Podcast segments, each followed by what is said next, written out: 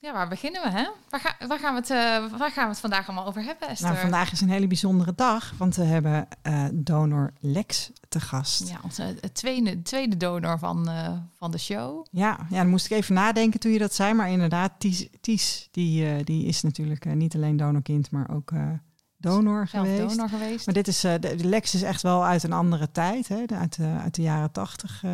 Ja, dus gaan we eens vragen hoe dat allemaal ging. En, en in die tijd dat hij doneerde. Ja, en we hebben een nieuwe opzet van eh, de, de bekende donorkinderenlijn. Hè? We gaan, eh, Dus we gaan in ieder geval iemand spreken. ja, hij, hij, hij wordt opgenomen dit keer. Dat is natuurlijk sowieso wel heel erg fijn. Dat vind ik altijd wel fijn.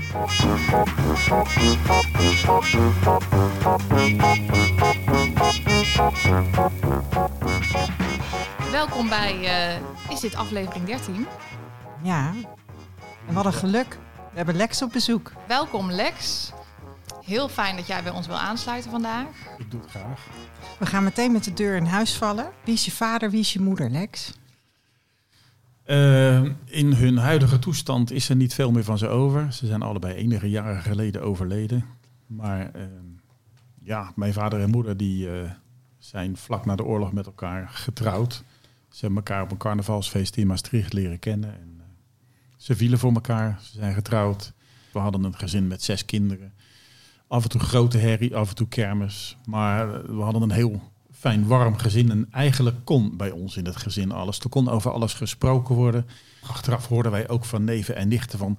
wij gingen altijd graag naar oom Chef en tante Gerda toe... want daar kon alles en daar mocht alles. Chef en Gerda. Chef en Gerda, jij hoorde Chef het en ook. Gerda. Fantastisch, ja. Hey, en ehm, ehm, heb, jij, heb, jij, heb jij ooit getwijfeld of eh, eh, je vader je vader was? Of Nooit, nooit. Nee. jij paste ook, gewoon... ook eh, heel erg op elkaar. en jij paste, in dat, jij paste in dat gezin. Ja, ja, ja. Ja, want we hebben jou uitgenodigd, Lex, omdat jij eh, spermadonor bent geweest eh, in de jaren tachtig. En eh, nou ja, we hebben eh, inmiddels dus twaalf afleveringen en wat bonusafleveringen achter de rug. En dit was echt nog wel iets wat op ons verlanglijstje stond. En we Ehm, dachten, als we dan een donorvader uit willen nodigen, dan wel een leuke. Ja, hoopte ook stiekem dat ik ooit een keer gevraagd zou worden. Ja? Ja. Maar jij had jezelf nog niet uitgenodigd, in tegenstelling tot heel veel andere mensen. Nee, nou, dat, dat vind ik ook. eh, zo sta ik daar ook als donor in. Hè. Ik mag als donor gevonden worden, maar ik ben zelf niet de actieve zoeker. Nee. Ik maak me zo vindbaar mogelijk, maar de, de, de zoektocht moet uitgaan van het kind. Dat is jouw visie op het donorschap. Ik vind dat het ook het recht is van het donorkind en niet het recht van de donor. ik vind dat ook een heel mooi vertrekpunt. Ehm, Want laatst kregen we een mail hè, van iemand die had gedoneerd. En die vond dat dus heel lastig dat, eh, dat hij niet wist wie al zijn kinderen waren. ja, En, en wat wij daar, eh, wat wij daar eh, aan gingen doen eigenlijk. Ja, zoek even mijn kinderen op. Ja, en ook van hè, als, als die, die ouders dat dan niet wilden, hè, want die kinderen waren dan minderjarig of zo. Nou, ja, vonden wij wel een beetje een ingewikkelde vraag. Want, eh, of nou, misschien vonden we het niet zo ingewikkeld, maar meer hoe geef je daar aardig antwoord op? Van eh, ja, je hebt zelf gedoneerd, dus Ja, je moet afwachten of, eh, of Ja, je offspring naar jou toe komt. het staat in de wet. Een gift is aan iemand anders. En na de gift heb jij niks meer over je gift te zeggen. Als ik jullie 100 euro geef, dan mag ik niet zeggen wat jullie ermee moeten doen. Nee, maar ja, 100 euro is natuurlijk wel anders dan een zaadje, hè, Lex. Jawel, jawel. Maar ik zie het wel in dezelfde lijn. Ja, ja qua, qua donatie en Ja. dat je dus inderdaad... ja hè, precies. Ehm, want want dan, dan, dan, dan ehm, ehm, komen we meteen bij waarom, waarom jij ooit op het idee bent gekomen om Het donor idee- te worden. Het idee is niet aankomen waaien. Ehm, mijn oudste broer en mijn zus, die zijn begin jaren 70 getrouwd. En beiden wilden ze graag kinderen hebben. Nou, mijn zus die is druk bezig geweest. Mijn broer is druk bezig geweest, maar het lukte niet, het lukte niet, het lukte niet. Uiteindelijk, mijn broer heeft wel samen met zijn vrouw twee kinderen gekregen. Er zat een hele poos tussen, maar die hebben twee kinderen gekregen. Mijn zus, daar is het nooit gelukt.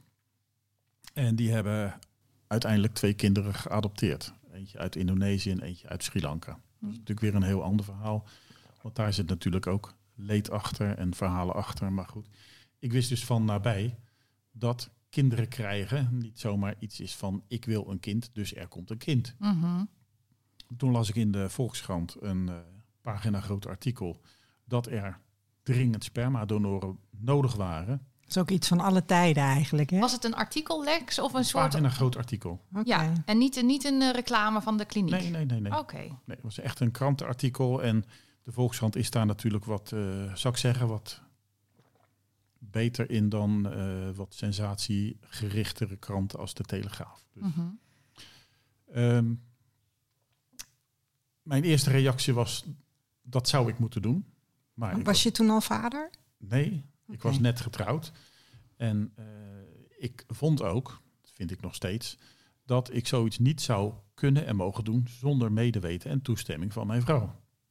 Mijn vrouw is heel open-minded en eh, die zei ook onmiddellijk van, als jij dat wil en het lukt allemaal, dan vind ik dat ik daar niet tussen mag gaan staan. Ik zei, ja, maar dat betekent misschien wel dat er straks al kinderen op deze wereld rondlopen met mijn erfelijke eigenschappen Mhm. zonder dat wij samen kinderen krijgen of hebben gekregen of misschien wel nooit kunnen krijgen. Ja, dus je was daar wel bewust van wat het Ja. betekende eigenlijk. Ja, ik was me daar heel erg bewust van.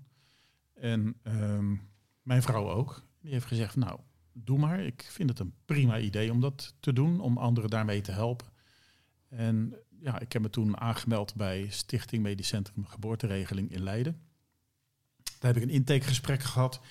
De keus voor die stichting was voor mij dat zij niet alleen getrouwde stellen hielpen, maar ook eh, lesbische stellen en ook alleenstaande vrouwen die graag een kind willen hebben. Ik ben niet degene die bepaalt of iemand anders wel of niet zwanger mag worden. Mhm. Ja, dit, Dus- hier zit ook weer dat, dat, dat vrijzinnige of dat vrijdenkende eigenlijk in, hè? Wat je van thuis hebt meegekregen. Ja. Eh, nou ja, goed, ik eh, ben daarheen gegaan en ik heb daar een intakegesprek gehad. Ze hebben van alles en nog wat van mij genoteerd. Eh, ik heb daar een proefles gedaan. en ze hebben dat vervolgens onderzocht en gekeken of ik genoeg actieve zwemmertjes had. En toen dat allemaal goed bleek te zijn, toen hebben ze gezegd van nou, je bent van harte welkom als donor. Nou, dan ga je regelmatig op donderdagavond naar Leiden toe. Ik werkte, Waar woonde jij toen? Ik woonde in Schipluiden. Dat is een dorpje dat ligt tussen Delft en Vlaardingen in, midden in de polder. ja. En ik werkte in Rijswijk. Dus op donderdagmiddag na het werk dan fietste ik van Rijswijk naar Delft. Daar nam ik de trein naar Leiden. Leiden liep ik dan naar eh Kort-Rapenburg, waar de kliniek zat. In een oude bank. Dus eh, ja, dat was bijzonder. Spermabank in de bank. Inderdaad. en de kamertjes om te doneren, die waren ook nog eens in de kluis. Dus eh, dat was een leuke ja, metafoor. Ik moet meteen even denken, mag ik iets tussendoor vragen? Want eh, de bank, hè, waar, eh, zoals, eh, waar, waar geld verdiend wordt, ehm, doet me meteen aan denken dat klinieken en artsen vaak best wel veel geld verdienden eigenlijk hè, aan, aan, de, ehm, aan de fertiliteitsindustrie. Eh, en jij, nou, jij, jij kreeg misschien een reiskostenvergoeding of een kleine vergoeding, maar Een kopje koffie kreeg ik. En een glazen, zo, toen een maar. glazen potje. En dat moest ik weer inleveren, liefst gevuld. Ja. En daarna kreeg ik nog een colaatje of een biertje en dan was het weer voorbij. Het waren beslist geen gezellige avondjes dat je erheen gaat. Je zat er met, met, met drie, vier, vijf mannen zat je aan een soort bar. En er werd niet veel gesproken. Het was Nee. niet, echt niet grappig of gezellig of zo. Van nou, daar ga ik nog eens een keertje heen. Dan gaan allen de Polonaise Nou. lopen. Nee, dat- Nee. En wat, en wat vind je daar dan van? Hè? Want jij kreeg daar dus niks voor, maar jij hebt eigenlijk het Ja. belangrijkste onderdeel geleverd natuurlijk. Ja, ik, ik ging uit van de goedheid van de mens. Mhm. Heel naïef, maar... ehm, Dat is een heel mooi vertrekpunt. Zeker. Ja. En ik dacht ook van, nou, er zitten daar artsen. Het zijn bevlogen artsen, want het is natuurlijk een, een, een ja, industrie, wou ik zo wat zeggen. Maar het is een Mhm. tak van sport die eh, toch niet echt ruim geaccepteerd wordt. En eh, zij zetten zich ervoor in om mensen die graag een kind willen hebben, maar bij wie het niet van nature lukt, om die te helpen. Ja. Ik dacht van, nou, Ja, en dat verdriet, dat had jij van dichtbij gezien. Ja, Ja. Dat is hoe, hoe ingrijpend zo'n onvervulde kinderwens kan zijn. Dus ja, ik, ik eh, heb me eigenlijk een beetje verlaten op wat die artsen mij meegaven. Uh, want ze hebben ook gevraagd van, eh, ja, je kunt als anoniem donor eh, bij ons ingeschreven staan of als bekend donor. Maar, en toen kwamen er allerhande argumenten eh, waarmee ze mij een beetje richting het anoniem donorschap eh stuurden. Oh, jij kon toen al wel eigenlijk als bekende Ja. donor terecht. Maar dat inderdaad was helemaal niet gebruikelijk in de nee, dat jaren was niet 80, hè? gebruikelijk. Nee. En eh, nou ja, uiteindelijk eh, zei, nou ja, dan, dan anoniem.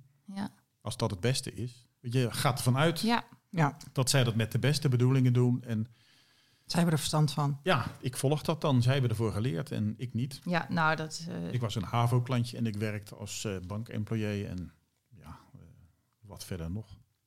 Hoor je wel vaak, hè? Dat, dat, ja, en dat is ook begrijpelijk. Maar met de kennis van nu is het niet meer zo Ja. begrijpelijk. Maar met de, eh, toen stonden artsen op een bepaald voetstuk.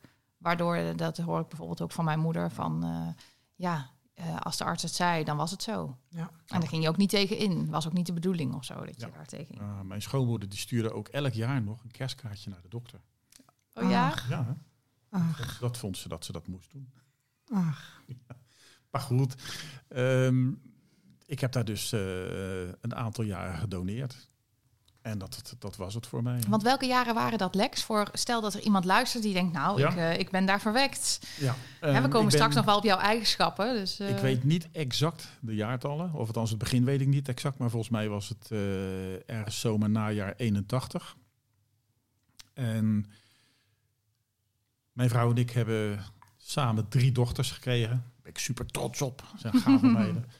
Fijn, En mooi. ehm, toen de derde geboren was, mijn vrouw wilde eigenlijk vier kinderen, maar ik zei van nou, ik vind drie eigenlijk wel een heel mooi aantal. Ik vond twee wat beter en zij vond vier wat beter. Dus uiteindelijk zijn we bij drie gestopt. En toen de derde was geboren en toen bleek dat alles helemaal in orde was, geen problemen, geen garantie eh, nodig. Mhm. Toen eh, zei ik eh, tegen de huisarts van het is mooi geweest. En eh, 31 augustus 88 lag ik eh, op de behandeltafel en er werden twee knipjes gezet. Oké, en, en maak jij nou alleen meisjes? Eh, Daar is hij wel goed in. nou ja, ja. weet je wat, wat we tot nu toe weten? ja, ja eh, dat nemen ze me ook kwalijk. Nou willen we wel eens een broer. We willen wel eens een broer erbij hebben. Ja, Dus ja, maar eh, ik heb waarschijnlijk rechts of links draaiend zaad. Ik weet Ja. het niet. ja. Ja, want je hebt eh, drie eh, dochters met je vrouw en Ja. dan nog twee donordochters tot nu toe.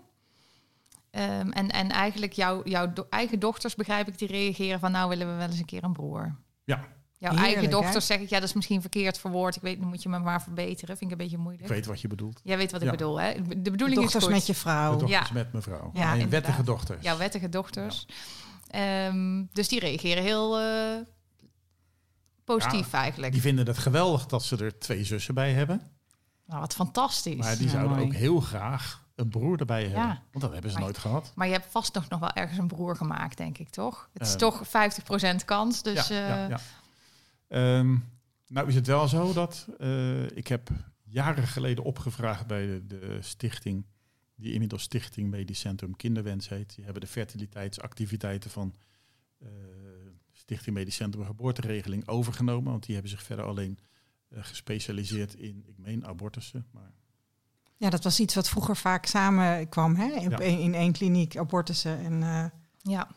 donorconceptie. Maar goed, zij hebben dus die, die fertiliteitsactiviteiten overgedragen aan Stichting Kinderwens. En ik heb, toen ik in het bestuur zat van Stichting Donorkind, eh, verzoek gekregen om een keer een voorlichtingsavond te geven bij die Stichting Medisch Centrum Kinderwens. Om daar aan wensouders te vertellen wat ik als donor heb meegemaakt. En eh, een ander donorkind, Rosa, die is meegeweest en die heeft verteld wat het haar als donorkind gedaan heeft om niet te weten waar je vandaan komt Zo. om die exis- existentiële, wat is dat een verschrikkelijk woord, om die existentiële vraag op tafel te leggen. Ja.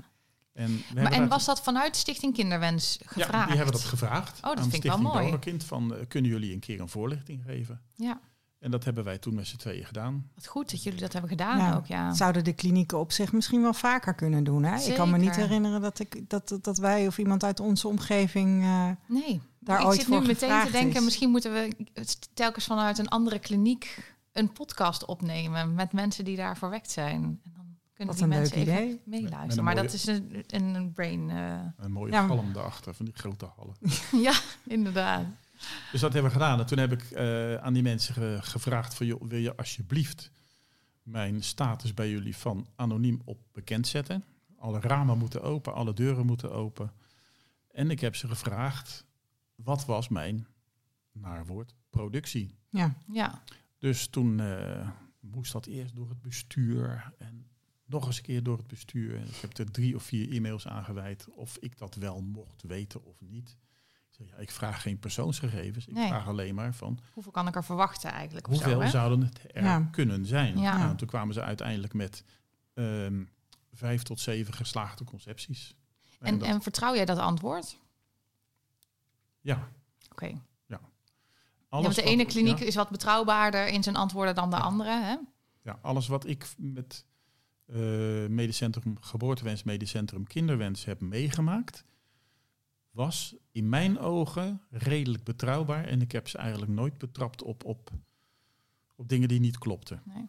Want Lex, hebben jullie toen de tijd, in de jaren tachtig toen jij doneerde, hebben jullie toen ook over gehad van ehm, hoeveel kinderen er maximaal gemaakt mochten worden van eh, jouw sperma? Toen hadden ze het over 25. Oh ja, toen Maar al. ik ben reuze blij dat er bij mij niet zo'n aantal is eh, gehaald. Waarom niet? Ehm, ja, er zijn eigenlijk twee redenen voor.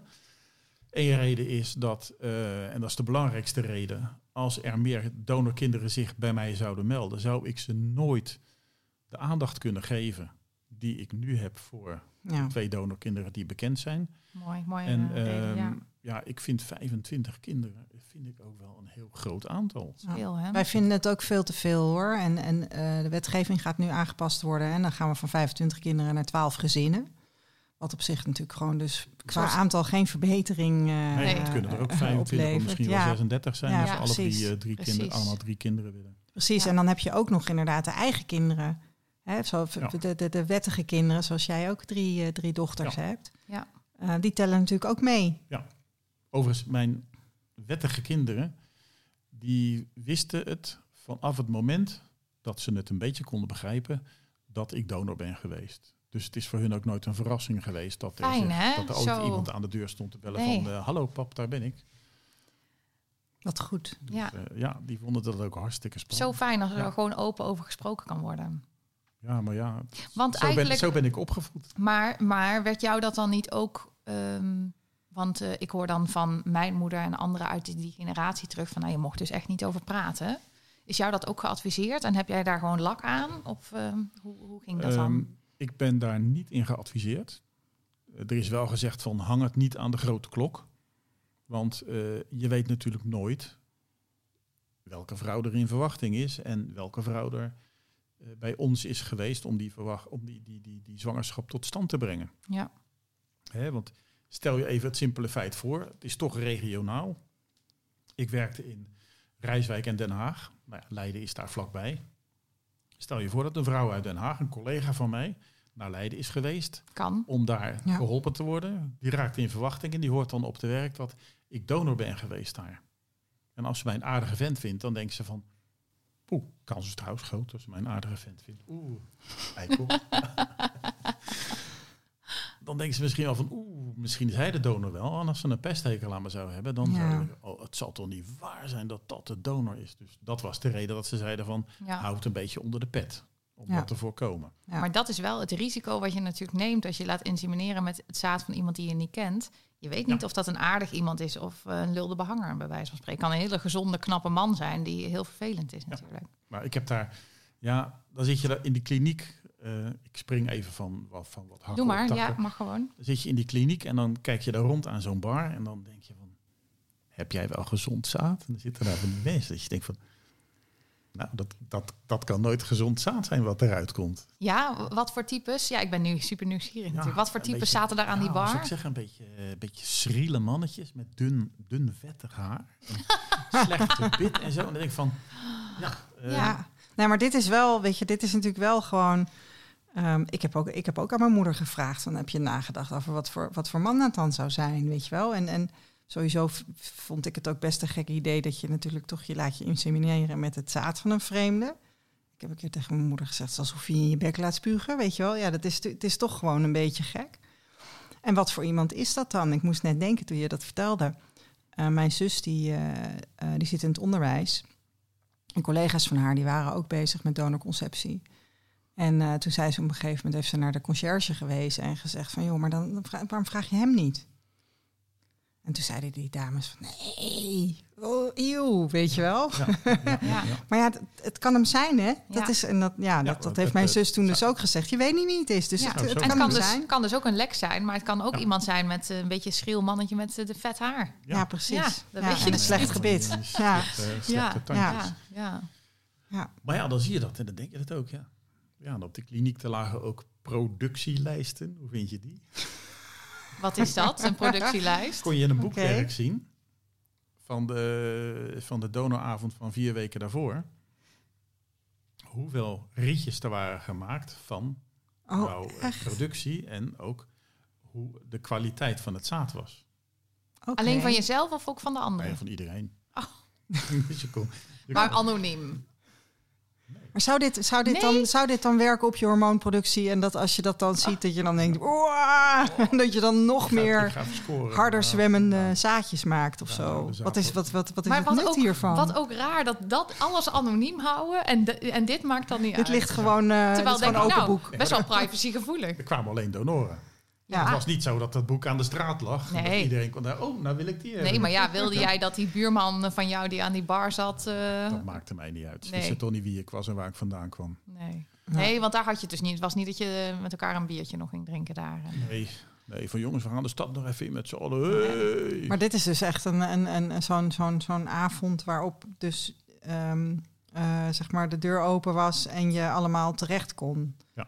Want ik, ik ben, ik, en, en jouw zaad is dus ook ingevroren. Ja, ik ben een Ja, koude, koude donor. Ja, want, want bij mij was het nog zo dat, dat er dus ergens in de twee uur voordat ik gemaakt ben, een meneer eh, een potje onder zijn oksel eh, Ja. bij de dokter heeft gebracht waarschijnlijk. Ja, ik ben daar dus ook altijd nieuwsgierig naar, maar het, het- ik kan niet helemaal achterhalen. Volgens mij is in mijn periode had mijn kliniek, hè, waar ik voor weg ben, hadden ze nog geen diepvries. Nee, Dus- nee. Maar ja, eh, je weet niet zeker Ja. natuurlijk. Nee, ik, eh, als je uit de kluis kwam, dan ging je trapje op en halverwege het trapje, daar zat eh, dokter Kees.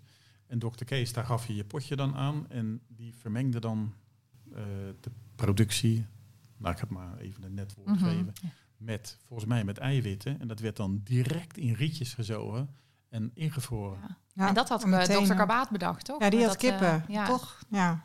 ja. Ja, inderdaad. Ik was trouwens, eh dat is even een sidestep hoor.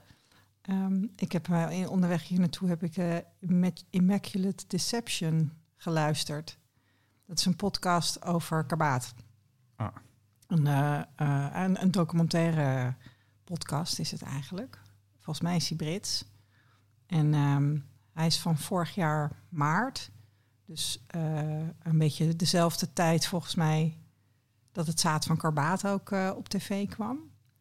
Maar ik zal even een linkje delen, want ik, ik had er dus wel over gehoord. Maar het, het was bij mij niet, niet binnengekomen dat ik Nee. hem... dat- dat- ja, en op- nu kregen we een mail van iemand die erover vertelde. En toen dacht ik, oh, die moet ik natuurlijk even, die moet ik natuurlijk even luisteren. Nou, zeker. Maar volgens mij hebben, want eh, jij zei er zitten dus ook eh, donorkinderen van Karbaat doen eraan mee. Maar ik Ja. kan me niet herinneren dat dat in de groep is gedeeld. Nee, dat kan, nee, dat kan ik me dus, Dus ook niet, eh, niet herinneren. Maar wij gaan een, eh, wij gaan een linkje delen. Ja, Van, en ik moet nog luisteren, want ik de Immaculate Deception. En dat gaat dus ook over, weet je, dan Joey die gaat natuurlijk eh, ook eh, eh, naar Karbaat. Maar ook die, die, die documentairemaakster, die gaat daar ook heen. Waar gaat ze heen? Naar dat huis waar, waar Oh. zijn kliniek zat. Ja. Ja, toen moest ik inderdaad even aan die kippen denken. Ja. Want die gebruikt het eiwit van zijn eigen kippen. En die Hij boerenhanden. gebruikte zelf zijn eigen eiwit. Ja, Ja. hij gebruikte ook zijn eigen eiwit inderdaad. Ja, Ja. had hij helemaal geen probleem Ja. mee. Ja. Nee, maar misschien even een bruggetje hè, naar, eh, naar gewoon wat actualiteit in onze, onze we dat afgelopen doen? week. En dan eh, praten we zo weer verder over eh, een soort jouw avonturen. Ik Ja. hou hem op. Nee, nee, nee. Praat vooral mee. Nee, want Eefje die heeft de vorige keer namelijk verteld dat ze contact op ging nemen met de kinderen van Simon. Ja, En, heel spannend. Helemaal nou. naartoe geleefd. Ik dacht, ik doe dat in een weekend en dan eh, heb ik daar tijd voor. En als ze dan reageren, dan eh, kan ik dat even laten bezinken. Maar eh, super saai verhaal. Want eh, ja, ik zei al tegen Esther, ze hebben mijn bericht niet gezien. Ik heb via Facebook Messenger een bericht gestuurd. En ik kreeg niet een... ehm, een je hebt zo'n plaatje met een vinkje er dan naast. Dat die is afgeleverd, maar niet zo'n plaatje met een gezichtje ernaast. Dus ik dacht, ze hebben het niet gelezen. Maar Esther heeft mij nu verteld, als je geen vrienden bent met iemand... dan kan die dat lezen zonder dat dat plaatje Zonder dat ernaast komt. wordt. Dus eh, nu weet ik dacht, eh, oh, ze hebben het nog niet gelezen, ze hebben nog niet gelezen. Maar nu weet ik het eigenlijk niet. Dus ik heb ze een vriendschapsverzoek gestuurd en een bericht via Messenger, alle drie de kinderen. Want eh, Simon heeft er ook drie. Ehm, en eh, super saai verhaal, nog niks gebeurd. Ja, en het Dus- is zo en nu- irritant dat we niet Ja. weten wat daar nou gebeurt. Hè? Want Ja. het- zouden ze het nou niet gezien hebben? Nou, of, ik zat ook te eh, denken ze van, geschrokken Ik wil eh, gewoon en weten of ze het gezien hebben. Ja, precies. Want als, kijk, als ze het gezien Ja. hebben en ze denken, ik wil er niks mee, dan denk ik, stuur even, Ja, even. Ik heb Maar geen je zin gaat te in, doei. snel. Je gaat te Oh. snel, want je zegt als ze het gezien hebben en ze willen er niks mee. Maar het kan heel goed dat ze het gezien hebben en dat Denk ze je? Ja. dit moeten verwerken. Ja. En, en nog helemaal niet weten wat ze ermee willen. Nee, dat is ook dus zo, het zegt dat nog helemaal zo. niks Of dat ze over. onderling hebben afgesproken van we gaan komend weekend naar Paps en dan gaan we er eens even met z'n vieren over praten hoe we Ja. hierop gaan reageren. Ja, Of we ja, gaan met ja, kerst. Ja, ja, dan ik hebben we het erover. Weer, inderdaad, ja. Ja, dus ik, was, ik zat al te denken van, oh, wat kan ik nou doen om ze te zorgen dat ze het lezen? Want dat is eigenlijk mijn doel. En dan daarna kunnen ze zelf kiezen wat ze doen. Maar eigenlijk zeggen jullie, eh, misschien hebben ze het al gelezen, even afwachten nog. Nou, ik weet niet of je moet afwachten, maar ik, ik zou in ieder geval niet de conclusie trekken dat ze geen contact met je willen. Nee. Weet je, die, die zou ik even. Want stel nou dat ik nog, eh, dat ik denk, ehm, ik wil ze even in ieder geval zeker weten. Hebben jullie nog een tip? Wat kan je dan doen? Weet je waar ze wonen? Ja, niet in Nederland. Allemaal niet. Allemaal niet. Nee, Nou, moeten in Londen en één in. Sri Lanka, geloof ik. En Oh, één in... eh, nou. ja, ja, ja, precies. Dus ik kan een wereldreisje de- maken. Sri Lanka is de moeite waard. Ja, Hartstikke leuk. Ja, mag eh, je er alweer naartoe? Londen is, eh, Londen is eh, om de hoek. Ja, dus ik weet nog niet. Wat doe je dan? Ik wil gewoon dat zij het, dat zij het gelezen hebben. Ja, Maar ja, ja Voor toch. hetzelfde geld weten die kinderen helemaal niet dat hun vader donor is geweest. nee. En- Heb ik wel gevraagd aan Simon om ze dat te vertellen. Maar ja, Simon luistert niet naar mij, denk ik. Maar dan stonden die kinderen met de oren Te figuurlijk klapperen. te flapperen. Ja. Wat is hier aan de hand? Wat gebeurt er? ja, is dit wel waar? Ja. Wat is dat voor gek wijf? Nou ja, nou, Ja, kan van Misschien alles denken zijn. ze wel aan een of andere oplichtingstruc of zo. Ja. Van, eh, Ja. nu wil ze ons zusje zijn en dadelijk gaat ze geld vragen. Ja, ja, en ik wil natuurlijk niks met dat geld, maar eh, mensen die rijk zijn, die denken soms wel van, eh, wat wil iemand van mij? Hè? Dat, dat, dat komt Nou ja. vaak samen. En als dit gevoelig ligt in de familie, en daar lijkt het toch een beetje op, want Mhm. anders had, eh, had Simon jou natuurlijk gewoon al lang een keer ontmoet. Ja, Dan, ze eh, willen misschien hun moeder ook niet kwetsen. Hè? Ja, dan is het natuurlijk toch gewoon eh, Ja. lastig voor ze. Ja, maar het kwetsen van die moeder is bij Simon begonnen. Ja. Als Ja. ik kijk hoe mijn vrouw erop reageert, die is dol enthousiast. ja, dat had ze. Ja, dat kon ook ik, heb dat, ja, ik heb dat met de kinderen van, eh, van Gerard. Die zijn ook gewoon echt eh, heel erg lief Ja. en, en enthousiast en open en, en, en bereid om hun vader met ons te delen. Ja, ja, Die stond wel gewoon 30 jaar na zijn dood ineens in de krant, weet je. Maar ja, nee, maar goed, daar werken ze toch gewoon aan mee. ja. Ja, maar Dat, ze zien eh, een stukje van hun vader. Ja, dat, dat, dat, ja, je zou ja. ook kunnen voelen van, hé, hey, we krijgen er ook iets moois voor terug of zo. Hè? Ja. Maar goed, de mensen die bang zijn, die voelen dat misschien anders. Maar ontzettend jammer. En, Ja. eh, en, en, ik blijf gewoon nog even duimen hoor, Eefje. Dat, ik, eh, dat ik wacht het dan nog maar even af. Ja, Ja, fingers je, ziet, je crossed. ziet het niet, maar ik heb... eh, Ja, Fingers Ja. crossed. Ja. Ja, dus dat. ehm, ja, en, en nog meer saai verhaal, want ik had vorige week verteld dat ik een beetje in eh, verder familie. eh, ja, hoe zeg je het eigenlijk? Nou, het loopt even niet zo lekker. me- geen contact met mijn moeder en er is ook nog niks eh, verder uitgekomen. Dus Geen dit ontwikkelingen. Ga ik, eh, ga ik rustig. Ik heb al bedacht, ik ga eh, toch weer eh, met een therapeut waarmee ik eerder contact had. Want ik dacht eigenlijk, ja, hoe ga je hier eigenlijk mee om? Weet ik eigenlijk ook niet precies. Dus ik dacht, nou, misschien is het wel goed om nog een keer met haar in contact te gaan en eh, te bespreken van wat moet je daar nou eigenlijk precies mee? Maar het gebrek aan contact met je moeder, is dat gelegen in het feit dat, dat jij donorkind bent en zoekende? Ja, en dat ik hier de, de podcast maak en heel veel mee bezig ben, terwijl zij Eefje moet gewoon niet zo klagen. Nee, de- ik moet het dankbare donorkind zijn en er eens over ophouden. En ja, dat ga ik natuurlijk nooit doen. Dus de vraag is, ik ga me natuurlijk niet conformeren aan haar. Dus hoe ga je dan goed contact met elkaar hebben? Want het is toch mijn moeder, dus je wilt toch goed Ja. contact. Ja. Maar misschien is dat te veel gevraagd. Dus ik, ik denk, ja, wat is daar de oplossing in? Dat weet ik nog niet. Ja, want mijn moeder die, die pakt dat anders aan. Ik denk dat ze dezelfde pijn heeft als jouw moeder. Ehm, alleen mijn moeder die, die, die heeft op enig moment wel besloten van... eh, nou, ik, weet je, als dit voor Esther zo belangrijk is, dan, eh, dan, dan toon ik daar begrip voor. Ehm, en toen ik met mijn de kwak kwaakt linnen tas bij haar thuis kwam, zei ze: Oh, wat enig! Ik wil ook zo'n tas. Nou, dat Toen vind ik dacht ik toch echt even van, super wow. Nou, en ik vind dan stap je ook echt over je eigen ego heen. Dus dat Ja. vind ik toch echt heel knap. Ja, Dus Ja, ja, en- ego en grote schaamte natuurlijk, wat vroeger ongetwijfeld een rol heeft gespeeld. ja. Dus, eh, En misschien is het bij jouw moeder een kwestie van acceptatie op de langere termijn. Wie weet, wie weet Lex. Dus ik, eh, Het heeft wel een lange adem ik, dus. hoop, ik hoop het voor je. ja. Nou goed, dan kom ik, ik, ik blijf dit gewoon lekker delen. Dan, eh, ja, ik denk, lopen vast meer mensen op die manier tegenaan of eh, ingewikkeldheden. En misschien heb ik straks een hele goede oplossing voor dingen. Kan ik Ja. die ook delen? Ja, want wat dat betreft lijkt het erop dat we heel veel smaken hebben. Hè? Dat mensen die, die, die, die- je hebt mensen die hier met hun ouders gewoon niet over praten. Gewoon om maar te voorkomen dat, dat je in de problemen komt. Of omdat je je ouders niet wil kwetsen. Ja, komt wel heel veel voor. Hè? Ja, ja, en goed. En er zijn natuurlijk ook gewoon families die afdwingen dat er niet over gesproken mag worden. Die dat echt niet willen, omdat de schaamte zo groot is. Ja. Of het taboe. ja, dus dan is het wel heel fijn als je wel open in ieder geval over kan praten. Dus dat ervaar ik dan wel. Nou, dat is dan weer een voordeel. Ja, ja. Nou ja, en met een beetje mazzel help, ja, help je anderen daar ook weer mee. Hè? Wie weet. Wat was er nog meer gebeurd? Nou ja, ik, ehm, ehm, ik heb deze week twee keer gehad dat eh, de statistieken van mijn website door het dak gingen. En dan krijg ik van de, de WordPress-app krijg ik een seintje van eh, Your stats are booming. En ehm, dat betekent vaak dat iemand die bij Swaap vandaan komt... gewoon mijn hele, website aan het lezen is. En dat had ik dus afgelopen week twee keer. En ik kreeg ook twee keer eh, berichtjes van, eh, van dames. Weer dames, hè? Weer dames. Altijd die Eh, vrouwen. ja hoor. Ehm, en eh, dus twee vrouwen die contact opnamen en zeiden van... joh, ik, ik kom ook bij Swaap vandaan. En eh, ehm, nou ja, weet je, mensen die overwegen om te gaan testen... en die het allemaal heel spannend vinden... die nog eigenlijk helemaal aan het begin staan van, van de reis... om er iets mee te doen. En ik word altijd heel blij van dat soort berichtjes. Dus, eh, hoop je dan ook dat het een zus is? nou ja, ik zeg ook gewoon tegen mensen van ja, weet je, dit is voor mij ook spannend, want het kan dus zijn dat je familie van me bent. Ja. ja. En ik denk altijd bij mezelf van oh, als je 1,80 meter of langer bent, dan moet je je zorgen maken, maar dat heb ik niet, dat heb ik niet in de mail gezet, maar dat is, dat is natuurlijk wel een beetje zo. ja. Ehm, ja, en eh, eh, ehm, we hebben natuurlijk nu eh, twee keer gehad dat eh, eh, mijn zus Saskia ehm, in een Marvan-groep iemand zich zag voorstellen waarvan ze dacht van shit, dit is, weet je, Mhm. dan stuurt ze een fotootje en dan zegt ze nou, wat denken jullie? En dan zeg ik, oh, nieuwe zus voor Nicole of zoiets, weet je. En, en, Ja. en, ehm, en, en die heeft dus afgelopen week...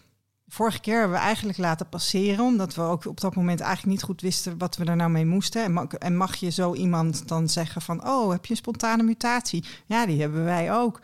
Ehm, en dan je verhaal vertellen, weet je wel. En we hebben wel besloten om op die manier...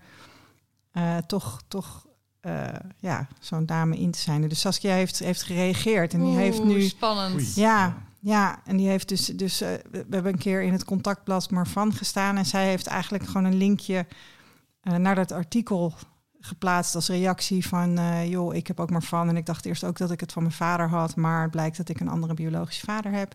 Hey, Nou ja, spannend, en, eh, met die- ja, ja, ja, en was dat naar ook aanleiding hoor, want van wat weet, in de... Want er is dus een verhaal nu inderdaad dat twee ehm, donorkinderen... die iemand die niets vermoedend eh, vakantie aan het vieren was... hebben aangesproken van nou, ik denk dat je van dezelfde donor bent als wij. ja, En diegene wist niet dat ze donorkind was. Nee. en Nee, die je gaat, het testen. natuurlijk- En die ja. blijkt inderdaad wel donorkind te zijn uit dezelfde kliniek. Nou, dus de kans is natuurlijk groot. Ja. Maar was het naar aanleiding daarvan? Of was het daarvoor Nee, al? dit, dit, dit speelt eigenlijk sinds de eerste keer dat iemand opdook. En dat, we, dat we in gesprek raakten, ook hier in de podcast. Van kun je nou dan iemand daarop wijzen? Weet je, en hoe doe je dat op een beetje prettige manier? Want om tegen iemand te zeggen van. eh, Nou, ik denk dat jij misschien wel van eh, dat je een donor bent. Of eh, ben je- misschien ben je mijn zus. Of weet je, dat is misschien ook een beetje direct. Ja. Ik heb zoiets een keer meegemaakt. Ja. Ja? Ik was met mijn vrouw naar de sauna. En eh, daar zit je dan in, de, in het grote restaurantgedeelte allemaal lekker in je badjas te relaxen. Een beetje te suffen en zo. En ik zag daar twee dames zitten. Dat moeten kinderen van Karbaat zijn. Oh, wauw. Die leken daar zo. En ik zeg tegen mijn vrouw van, moet ik daar nou op afstappen Ja. en gaan vragen of moet ik blijven zitten of niet? En uiteindelijk denk ik van, nou weet je, ik loop er gewoon op af. Ja. Dus ik was daar drie meter vandaan. Het was, hey Lex, wat leuk dat jij hier ook bent. We dachten al dat jij het was. Maar je had het wel goed gezien. Ja, dat bleken dus inderdaad twee van de kinderen van Karbaat. En die Ja. hadden mij dus mijn, mijn Oh, fantastisch. op internet. En, Ja. Oh, wat goed. Ja, In want geheime Facebookgroep, hè? Ja, ja, ja. Spannend, man. Ja. Nee, want Maar dat- wel, ja. ja. ik vind het ook leuk dat jij... eh, ja, ik, ik, ik, ik, heb- ik denk is niet goed of fout, of je wel of niet erop afstapt. Maar het is gewoon ingewikkeld. Maar ik vind het wel stoer dat je het doet, want het is toch een beetje spannend. ja. Ja, ik wist ook niet van, ik loop erop af en ik zie wel wat er gebeurt. Ja, ja, ja. Wat, Ja. Je wist nog niet precies wat er uit je mond Ja, ging zo van, komen. van, goh, eh, jullie moeten zussen zijn. Eh, Zoiets, Ja. weet je wel. En dan Ja. kijken hoe het gesprek verder verloopt. Ja, ja, ja. En dan zo. Het is maar goed dat je je badjas aan had, je Lex. Want eh, anders zou ze iets anders denken. Ja. Oh, oh. Jee, spannend, joh. Nou, wat een goed verhaal. Ja, nee, dus en en ontzettend dapper ook eh, van eh, mijn jongste zusje. Zeker. Ehm, Ja, en van die twee eh, donorkinderen die eh, dat eh, on- nog onbekende donorkind zagen ook. Ja. Ja, ja, zeker. Ja, Blijkbaar maar dat, wordt dit toch ja. normaler. Hè? Net als dat Ja. mensen ook op een gegeven moment zeiden... want ik weet nog, toen wij begonnen met de donordetectives... gingen mensen heus niet zeggen van dat ik de kinderen van Simon kon benaderen. Dat was toen nog was een heel ander... ehm, hoe noem je dat? K- keek, werd er nog heel anders naar gekeken. En nu eh, bespraken wij het in de podcast... dan kreeg ik eigenlijk heel veel reacties van mensen van... ja, maar je kan toch gewoon eh, een berichtje sturen? Ik dacht, oh, oh, kan dat gewoon? Ja, Ja, dus ehm, tijden veranderen wel. gelukkig. Nou, Maar inderdaad. jullie zitten ook op een sneller spoor dan de meeste mensen. Ja, dat klopt. ja, dat klopt. Jullie zijn de TCV, terwijl de anderen een boemeltje zijn. Ja. Ja. ja. Wat vind je daarvan? Ja, eh, er moeten altijd mensen eh, het eerst in het onbekende duiken. Ja, En de weg bereiden voor de volgers. zo is het wel een beetje gegaan, Ja. hè? Ja. Filosofisch. Ja. ja, maar ja, dat, eh, het is altijd nodig inderdaad. Eh Esther, jij had ook nog eventjes eh, met Fion gebeld. 9 juli alweer, maar... eh, Ja, ja. En toen hebben ze meteen gereageerd, toch? Zo is Fion. Nee, nog niks gehoord. Nog niks gehoord. Dus, eh, nou ja. Wat ga je ermee doen? Ja, nou ja, ik heb sowieso... Ik vind dit soort dingen zelf heel lastig. En die kosten mij ook heel veel energie. Eh, dus ik heb op een gegeven moment... Ik heb, ik heb, ik heb een tijdje vanuit, eh, zeg maar vanuit het bestuur van Stichting Donorkind... ook het contact onderhouden met Vion. Maar eigenlijk trok ik dat helemaal niet. Want het gaat zo traag. Ehm, en dingen veranderen niet. Nee. Eh, of er worden toezeggingen gedaan en dan gaan die mensen weer weg en dan begin je opnieuw. Weet je dat ik dat ja, dat, dat kost me heel veel energie. Ja. Dus En ik heb op een gegeven moment aangegeven dat ik dat, eh, dat ik dat eigenlijk niet meer wilde doen. Dat ik dit deed, ja, dat was, dat was toch echt ook wel gewoon. Ehm, Wat wil je Ik- voor Lex nog eens vertellen? En Ja. onze luisteraars wat je, waarvoor je belde? nou ja, ik had, ik, had, ik had een aantal redenen. En eentje was dat eh, ehm, SDKB, de Stichting Donorgegevens Kunstmatige Bevruchting, die matchen mensen via eh, administraties van klinieken aan elkaar. Dus eh, dan kan het zijn dat jij aan een donorvader gematcht wordt als donorkind of eh, broers en zussen. En ehm, dat gebeurt ook gewoon zonder DNA. En nou, dus dan, dan heb je zo'n administratieve match. En wat ik begrepen heb, is dat gaat dan naar FIOM. FIOM brengt mensen met elkaar in contact en dat is het dan. En ik heb aan FIOM gevraagd van ehm, waarom het niet onderdeel is van de standaard werkwijze eh, dat daar DNA voor gebruikt wordt. Lijkt me echt gewoon echt een, een no-brainer.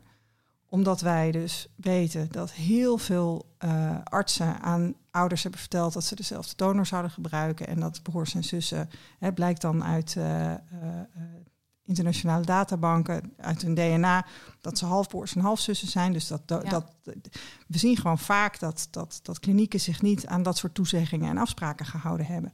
Dus om dan op basis van hun, hun administraties mensen aan elkaar te koppelen zonder dat daar een DNA-match is, dat vind ik gewoon eng. Ja, Daar krijg ik gewoon als donorkind krijg ik echt buikpijn van. En op zich, je kan het eh, zeggen van... hé, hey, dit eh, staat op papier, check het met DNA. Ja. En als het dan waar is, dan is het waar. Weet je, Ja. en, en, en, en dit, dit, dit- weet je, dat gaat dan ook over groepen donorkinderen van dezelfde donor.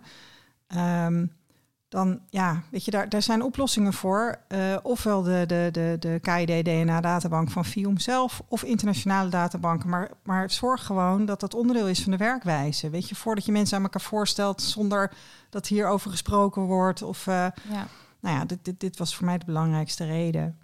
Um, en ik, vind, ik, vind, ik vond het heel lastig hoor, dat ik, dat ik dan niks hoor, weet je wel. Dus ik heb eigenlijk gewoon in het bestuur van Stichting Donorkind gevraagd of iemand anders uh, opvolging wil geven. Ik heb wel nog zelf een mail gestuurd met de vraag uh, om een reactie. Mm dat het een tijd geleden is. Um, dat we elkaar gesproken hebben, maar ja, nee, niks gehoord. Nee, bijzonder hè. Terwijl ze zouden zo blij moeten zijn dat iemand uh, um, hun daarover belt en uh, ze tipt eigenlijk. En, ja, en ik vind want als dit weer uitkomt, hè, en, want dit gaat mis natuurlijk ergens, hè, dat weten we gewoon. En als dat weer uitkomt, dan uh, ja. staan ze weer slechte boek. Wat wil je nou precies? De DKB zegt van, jullie zijn een match. Vervolgens denk je allebei van, nou, we gaan bij vier om even langs.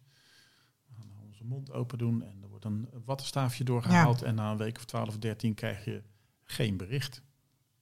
Want je krijgt alleen bericht als je ja. gematcht wordt na ja. 14 weken. Ja, nog ja dat is ook vreselijk. En dan ga je opbellen. Nee, nee, uh, we hebben geen match van jou gevonden. Nee. Denk ik. Nou, het is gewoon allemaal niet zo... Uh... Je...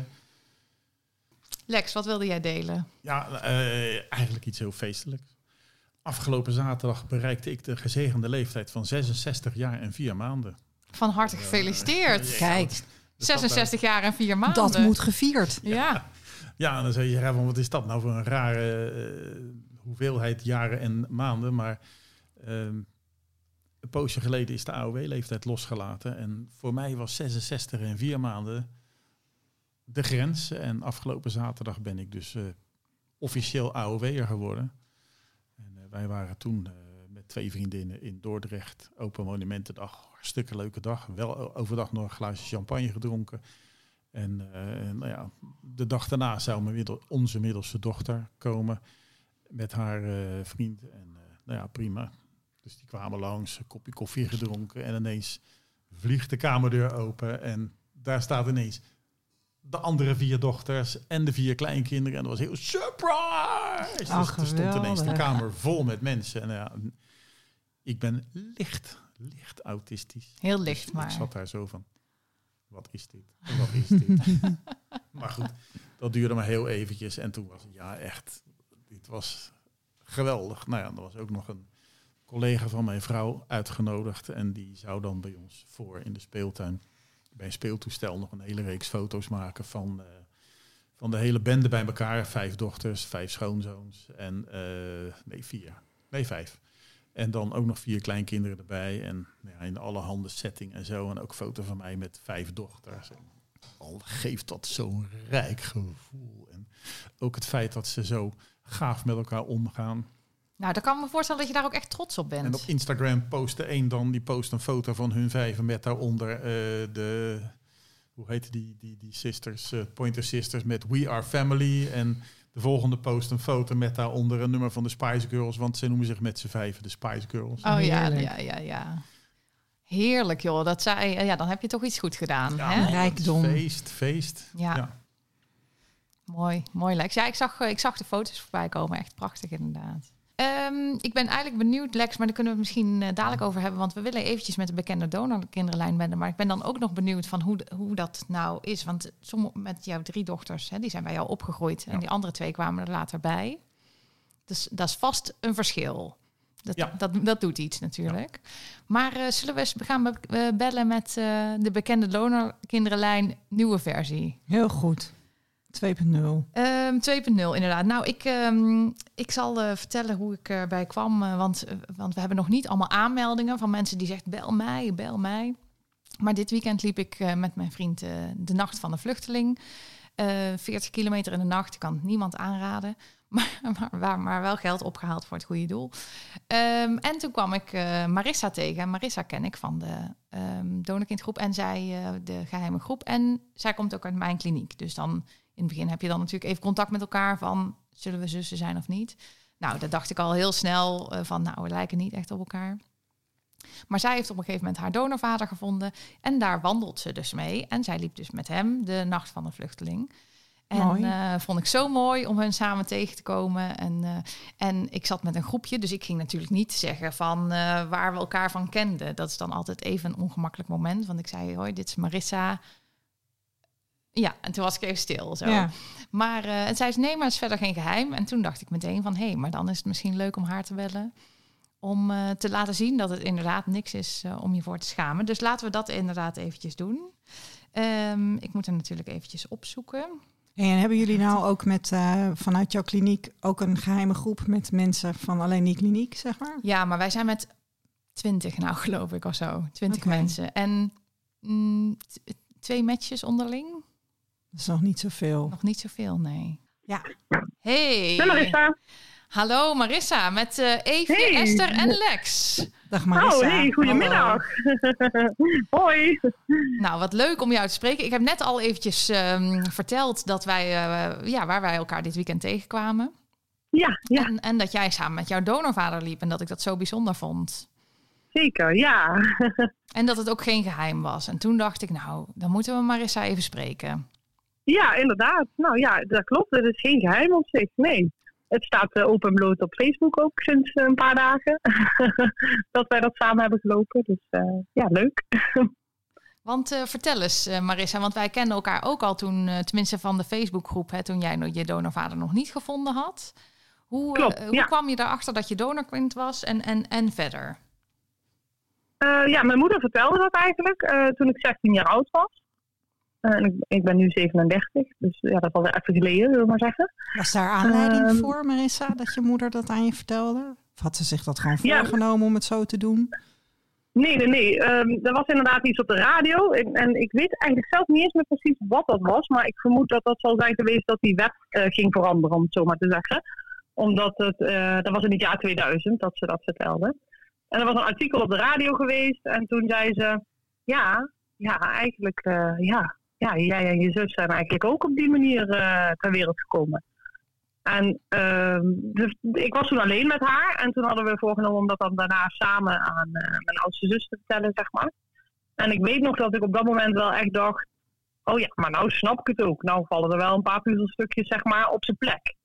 Want je kwam uit een traditioneel gezin. Vader, moeder, kindjes. Ja, alleen mijn ouders waren wel gescheiden. toen ik twee jaar oud, oud was, zeg maar, zijn mijn ouders uit elkaar gegaan. En die relatie met mijn uh, wettelijke vader was altijd heel moeizaam.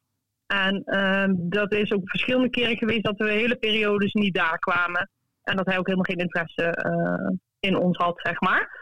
En um, toen mijn moeder dat vertelde aan ons, hadden we ook al echt lange tijd geen contact meer met hem. En mijn moeder die zegt altijd, ik, ik had het zeg maar niet mee mijn graf ingenomen. Ik had het, had het me voorgenomen om het jullie te vertellen. Maar destijds, toen we daarvoor kozen, eh, was het eigenlijk de bedoeling dat het geheim zou blijven. Maar ze had het vroeg of laat wel een keer willen vertellen. Hmm. En nu was eigenlijk dat radio-item was zeg maar de aanleiding dat ze dat vertelde. En, en uh, jij en jouw zus lijken helemaal niet op elkaar, hè? Nee, nee, nee, inderdaad. Dus, dus dat was voor mij ook meteen van, oh, maar nou snap ik het ook. Maar je had het nooit ja. zelf bedacht dat er zoiets zou kunnen zijn? Nee, nee, helemaal niet. Nee, nee. Nee, dat, was, dat is echt nooit in me opgekomen. Nee. hey, en jij wilde meteen weten, hè? Ja ik, ja, ik wel, in tegenstelling tot mijn zus. Ik had wel zoiets van, nou, dan wil ik eigenlijk wel weten uh, wie die man is. En vooral hoe die eruit ziet. En, uh, en waarom die dat heeft gedaan destijds. En uh, ja, ik was meteen heel erg nieuwsgierig eigenlijk daarna. En ik denk wel dat dat deels komt doordat ik dus helemaal niet op mijn zus lijk. En ook niet op mijn moeder. Dus dat ik dacht van, nou, ik wil eigenlijk wel ja, weten wie die man is heb ik ook een brief geschreven aan uh, de Gelderse Verlei. Ja, toen wij verwekt uh, zijn, was dat nog het Pieter Pauw ziekenhuis, maar dat is dan later veranderd. Uh, en die brief, ja, die werd eigenlijk beantwoord met van ja, sorry, die gegevens die hebben we niet meer. En ja, daar was het dan een beetje mee af. Ja. En toen kwam de databank van FIOM eind 2009 of 2010. En daar heb ik me meteen ingeschreven. Ik dacht, ja, dat ga ik meteen doen. Dus ik ben uh, bloed gaan prikken en ben ook in die databank terechtgekomen. En dat leverde ook eigenlijk niks op lange tijd. En uh, toen op een zeker moment werd dat uh, testen via de internationale databanken. Daar kwam al een beetje in, ja, voor mijn gevoel in opkomst. En op die Facebookpagina las ik daar veel over. Dus toen heb ik in, ja, ik denk 2018 me ingeschreven in verschillende DNA-databanken, zeg maar uh, MyHeritage. En dan kon, je, daar kon je dan ook uh, uploaden naar dat Family Tree schema. En daar heb ik het eigenlijk even bij gelaten. Dacht ik, dan wacht ik het gewoon even af. Dit is voor mijn gevoel wat ik nu kan doen. En dan wacht ik het gewoon af. En daar kwam op een gegeven moment wel een hoge match uit. En, en toen ben je gaan stambomen? Ja, dat heeft Els gedaan. Oh, onze Els. Dus die, uh, ja, zeker. Ja, die heeft mij daarbij geholpen. Of althans, ja, die heeft het eigenlijk helemaal gedaan. Ik zeggen. Ja, ja. Hey, en heb je, uh, is er, was er een moment dat je je schaamde voor een donorkind zijn? Of um, iets wat ermee te maken had? Nee, eigenlijk niet. Nee. Nee, ik, want ik weet ook nog wel dat toen ik het net uh, te horen had gekregen, uh, ja, heb ik dat ook wel vrij snel ook gewoon op school en uh, vriendinnen en weet ik het wat, iedereen wel gewoon verteld, zeg maar. Ja, ja. Nee, het was niet. Maar misschien komt dat ook wel deels doordat we natuurlijk ook echt al lange tijd geen contact meer hadden met mijn wettelijke vader. Ja, dus die loyaliteit naar hem. Mee. Ja, ja, dat de loyaliteit naar hem, die, die, die speelde dan zeg maar geen rol. Of je hoeft er geen rekening te houden met wat, wat hij er mogelijk bij zou voelen als jij daar open over ja. was. Ja, en misschien dat als, als mijn ouders wel uh, gelukkig getrouwd waren gebleven, uh, dat ik het misschien tot de dag van vandaag nog niet eens had geweten. Ja, dat, ik heb het nooit met zoveel woorden aan mijn moeder gevraagd, maar ze zegt altijd, ik had het niet mee mijn graf ingenomen, maar ik vind dat altijd zo'n een stomme opmerking, want je weet ook niet wanneer je je graf ingaat, zeg nee, maar. Nee, nee. Dus Als ik dat altijd neervalt, een beetje een opmerking van niks. Ja, ja. precies. Ja. en het was wel zo dat de hele familie het wist, weet je wel. Dus ja. Oeh. Oeh, dat is wel pijnlijk. Ja, En ja jij dat contact is wel hebt dat dat... met je- eh, Jij contact hebt met je donor en dat contact dat eh, klikt heel leuk. Heeft dat jouw zuster toen Zeker, aangezet om ook te zoeken? Eh, nee, eigenlijk niet echt. Want zij, ja, zij heeft gewoon zoiets van, nou ja, ik, ze is er niet zo nieuwsgierig naar.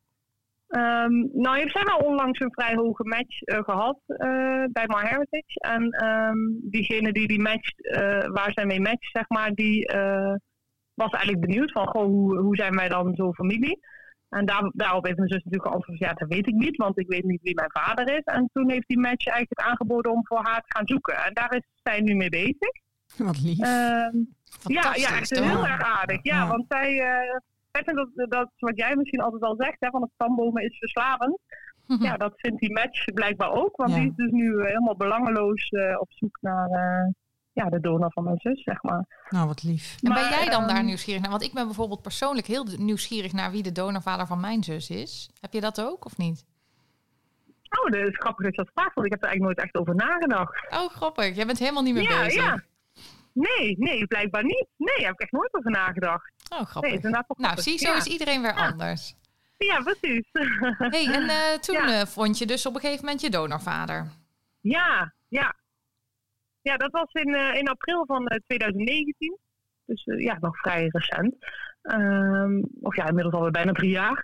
En dat, ehm, ja, dat vond ik heel erg spannend. Omdat op een zeker moment was het dan zo van, nou ja, Els die zei van, het is toch eigenlijk wel echt, ja, heel, heel zeker dat dit er moet zijn. Mhm. Dus dan gaan we een brief sturen en dan, eh, ja, dan is het dan afwachten. En toen zei ze, ja, dan moet je er ook een foto van jezelf bij doen. Ik zei, oh nee, ik, ik vind het echt nooit leuk om op foto te gaan. Nee, jawel, dat moet je echt doen, want dat eh, is leuk. En, nou goed, dus op aanraden van Els een foto van mezelf gemaakt Mhm. en die erbij gedaan. En ehm, die brief was verstuurd eh, op dinsdag. En woensdagavond eh, werd ik ineens gebeld door een voor mij onbekend nummer. En eh, ja, ik denk dat de, de woorden letterlijk waren, ik denk wel dat ik jouw vader ben. Dus dat was wel heel, eh, ja, Vind ik zo'n kippenvel moment. Ja, zeker, zeker. Ik, ik kan me ook herinneren dat ik, dat ik ook... Want het was dan in de avond, en volgens mij heb ik gewoon heel die nacht niet geslapen. Ook gewoon helemaal hyper. Nou, dat helemaal, snap ik eh, helemaal. Ja, En ik Ja, kan me ook wel ja. voorstellen, hè, want jij, ik, ik zei het tegen, ik, ik zocht jou eventjes op natuurlijk, omdat eh eh, Eefje zei dat we Ja. jou gingen bellen.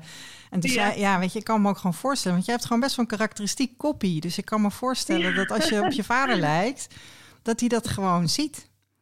Ja, ja, Wel, precies. ja. En het was natuurlijk ook de info van... eh, ja, er is gedoneerd eh, in 1983 daar Ja. en daar. En Ja. dat was natuurlijk alles bij elkaar. eh, ja, ja, de optelsom En- klopt. Zeker, ja. En ja, Els had hem natuurlijk al zeg maar, gevonden. En ik had al een paar dingen op Facebook gezien, maar zijn profiel was niet openbaar. Maar ik vond wel een nicht. En dat was heel grappig, zeg maar, de dochter van zijn zus. En dat was heel grappig waarvan ik dan dacht, oh, vind ik wel dat ik op haar lijk. Oh, Dus dat, ja, dat was dan voor mij. Maar terwijl eh Els had ook foto's van, eh, van zijn kinderen, zeg maar, al aan mij laten zien. En daarvan had ik niet per se dat ik dacht van, wow, ik lijk, eh, lijk op die kinderen. Maar wel dan weer op dat nichtje. Ja.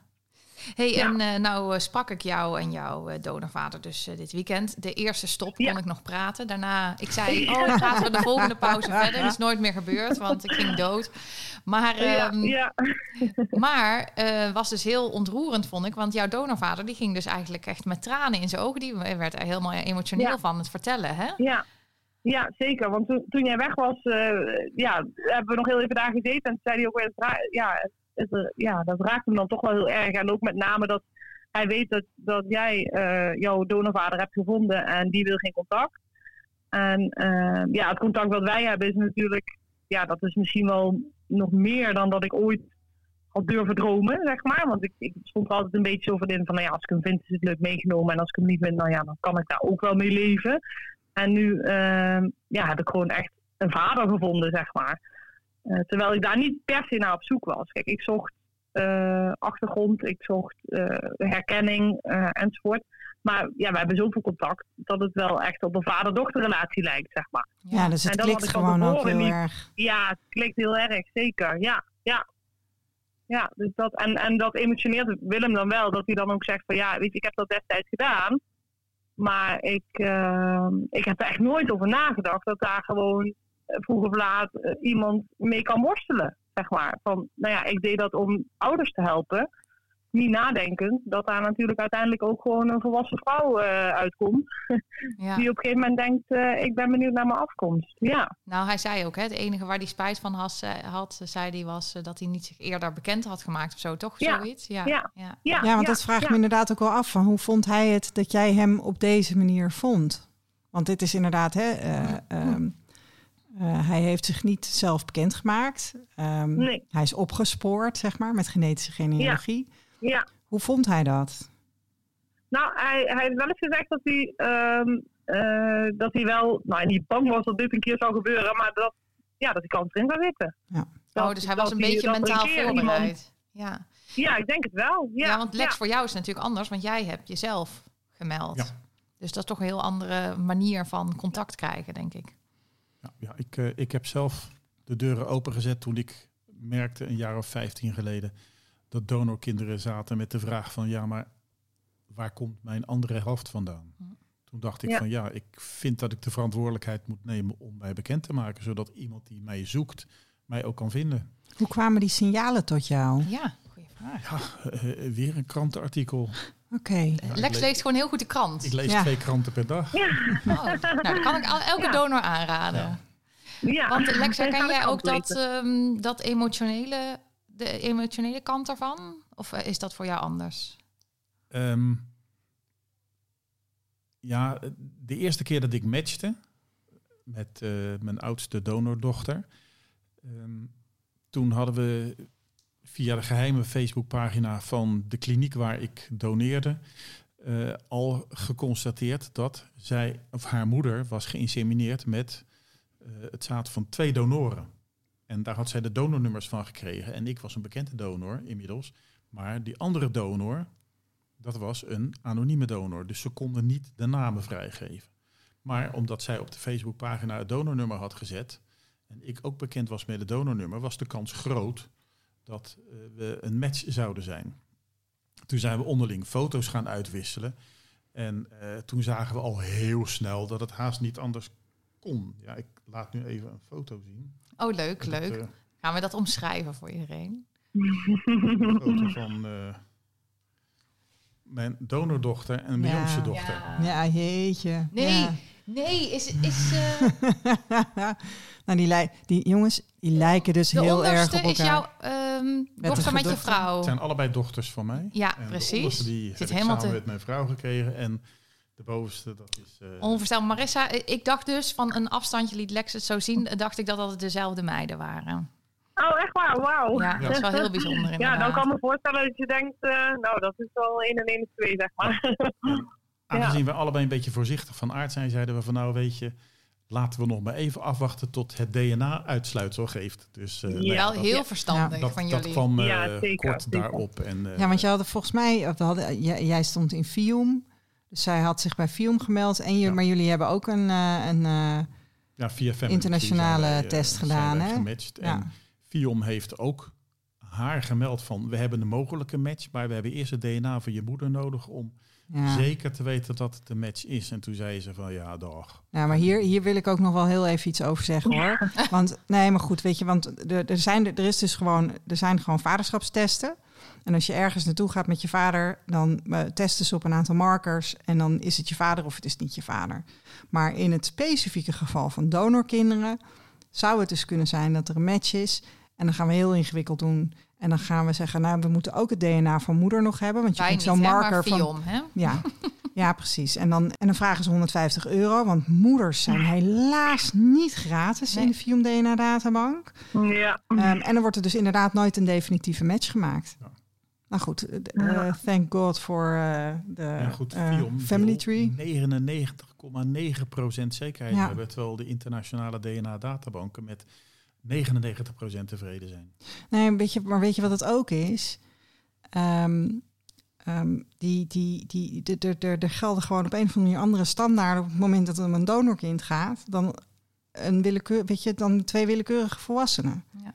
En dat, is een, dat maakt Ja. dit een beetje gek. Terwijl hier zit een- juridisch helemaal geen enkele consequentie aan. Weet Nee. je, je bent dan inderdaad, hè, je hebt genetisch een vader-dochter relatie, maar je bent niet ineens eh, ook juridisch aan elkaar verbonden. Dus er zijn en ook helemaal geen erfgenamen. Precies. Ja. Dus het is gewoon een beetje gek dat er een soort van eh, hogere standaard geldt voor donorkinderen dan voor een gewone reguliere vaderschapstest. ja. Want Marissa heeft jou... Want jij staat dus ook in het FIOM.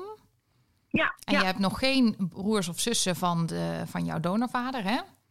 nee, klopt. Maar staat Ja, jouw donorvader wel in FIOM? Ja, Ja, nu wel eh, inderdaad. Oh, ja. goed zo. Ja. Want anders zouden er Ja. misschien broers of zussen van jou in FIOM staan. En die wisten dat al niet. Die je dan mist. Ja, inderdaad. Nee, en toen werd, werd hij op een gegeven moment ook eh, gebeld door Fion. Van nou, we hebben een mogelijke dochter gevonden. En, ja, en dat was jij.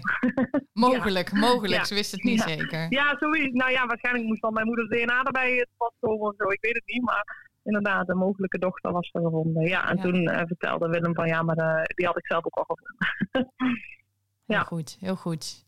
Mooi man. Nou, en jullie doen dus heel veel tochten samen. Dus dan heb je heel veel tijd om Ja. samen te kletsen. Ja, Dus ja. jij, jij kent jouw donorvader best wel goed inmiddels, denk ik. Ik denk het wel, ja. Ja, ik denk dat hij mij ook wel, denk ik. Ja, Ja, inderdaad. Elkaar Ja, natuurlijk.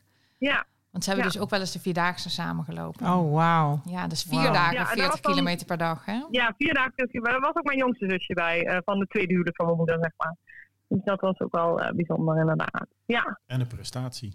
Zo. Inderdaad. Ja, oh, inderdaad. zeker, ja. En daarom dacht ik afgelopen weekend, och, die 40 kilometer, die doe ik even. Maar dat En? viel toch een beetje tegen. Ik vind het wel echt heel mooi van jullie dat jullie deze. Ja, Marissa liep, gelopen liep er wat makkelijker doorheen, hoor. Die eh, kwam er Ja, toch ik- best wel fris en fruitig tegen. Maar wat, wat ja, heel want in zwaar maakt, 2019, wat het heel zwaar maakt, in dat is dat je 2019 s'nachts hadden we het ook al gedaan. Ja, Ja, dat is het. Dat je op. ja, had ja. ik ook onderschat. Alles onderschat gewoon. Ja. Nou, Marissa, heel leuk dat we jou eh, aan, eh, aan de telefoon mochten hebben. En dat Ja, je nou, even wilde vertellen en je voorstellen Ja, als heel leuk. donorkind. eh, ja, heel leuk dat ik eh, mocht deelnemen aan jullie podcast. Die ik altijd graag met, eh, ja, die ik met veel plezier beluister, zeg ja, maar. nou, nou kan je lekker naar jezelf terugluisteren. Ja, daar weet ik niet of deze aflevering. Jij gaat zeker terugluisteren. Dat is hartstikke leuk. Ja, dat is zeker leuk. Ja, en delen, Marissa. Ja, dat ook. Ja, dat doe ik wel. Dat is goed. Dat, eh, dat, ja, Dat, dat, doe ik eh, sowieso. Ja, nou, dat is hartstikke fijn, want we willen graag zoveel mogelijk mensen bereiken met, Zeker. eh, met de podcast. Dankjewel voor, eh, voor je medewerking. Hartstikke leuk en ontzettend fijn dat jij, eh, dat jij niet in de kast zit. Inderdaad. Nee, En dat je met ons in gesprek zeker. wilde. Ja. Nou, ik vond het ook heel erg leuk. Eh, jullie ook bedankt. Oké, doeg. doei. Dag Groetjes, Marissa, doei. dag. Wat heerlijk hè, zo'n eh, zo'n verhaal van, eh, Leuk, hè? van een niet bange donorvader. Ja, Nou. ja. En meteen de dag daarna ook aan de telefoon hangen gewoon, hè? Stoer. Dat is wel echt Ja. bijzonder, ja. Ja. ja. Nou ja, ik heb dat met eh, mijn tweede donordochter. Ik eh, zat zondagmorgen, een paar maanden geleden, zat ik op mijn telefoon en denk van, eens even kijken of er nog matches zijn. Dus ik tik in Family Tree, inloggen, kijk, nee, precies dezelfde matches die er altijd al in stonden. Vierde graad nicht, vijfde graad nicht, denk ik, niet interessant. En ik open My Heritage en ik zie er staan, match dochter. ik denk, hè? Oh man, ik heb echt zo'n brede grijns nu, jongen. Ik sluit dat weer. Ik denk, dat kan niet waar zijn. Ik open het weer. En het Stond ze er nog steeds? En Gek. het, was, en, en, en het was die dame die ik een eh, postje daarvoor op Facebook had gezien. Ja. Dat ik dacht van, hoe dat zou wel gaaf zijn als dat een match zou zijn. Dat vind ik zo leuk, hè? Dat jij het al hoopte gewoon. Ja, Ja. mooi hè? En, eh, Want wil je eens vertellen waarom je dat ook alweer hoopte? Wat, wat was er aan haar wat je ja, dacht... eh, ehm, haar taalgebruik.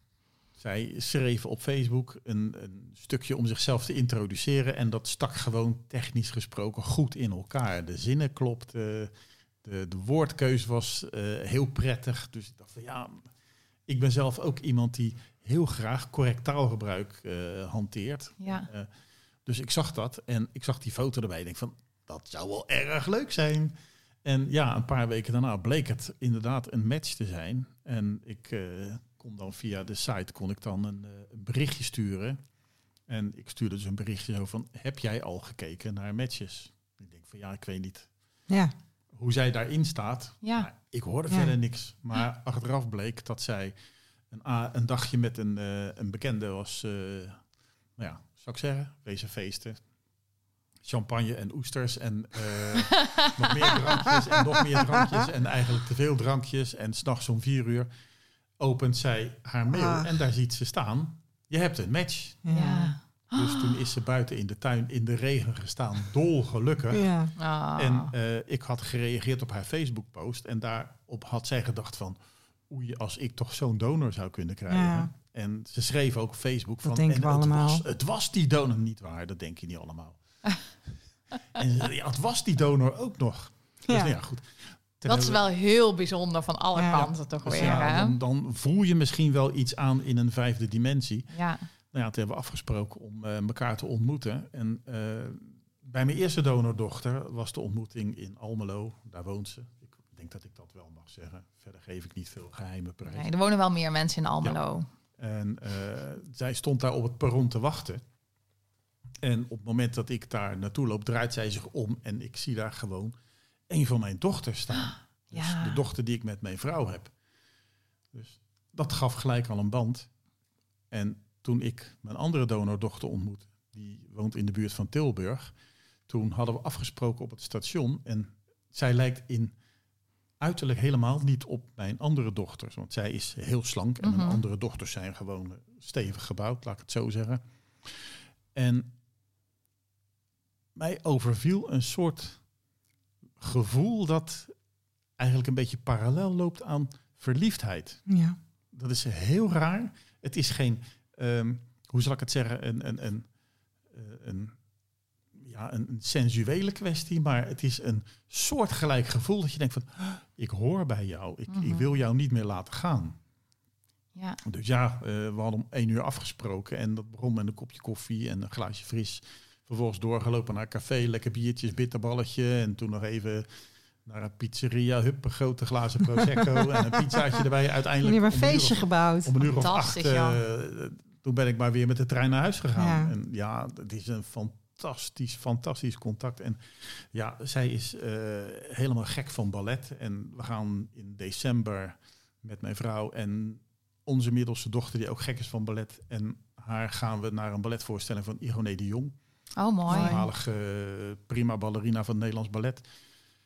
En volgend jaar gaan we ook nog naar Nijmegen.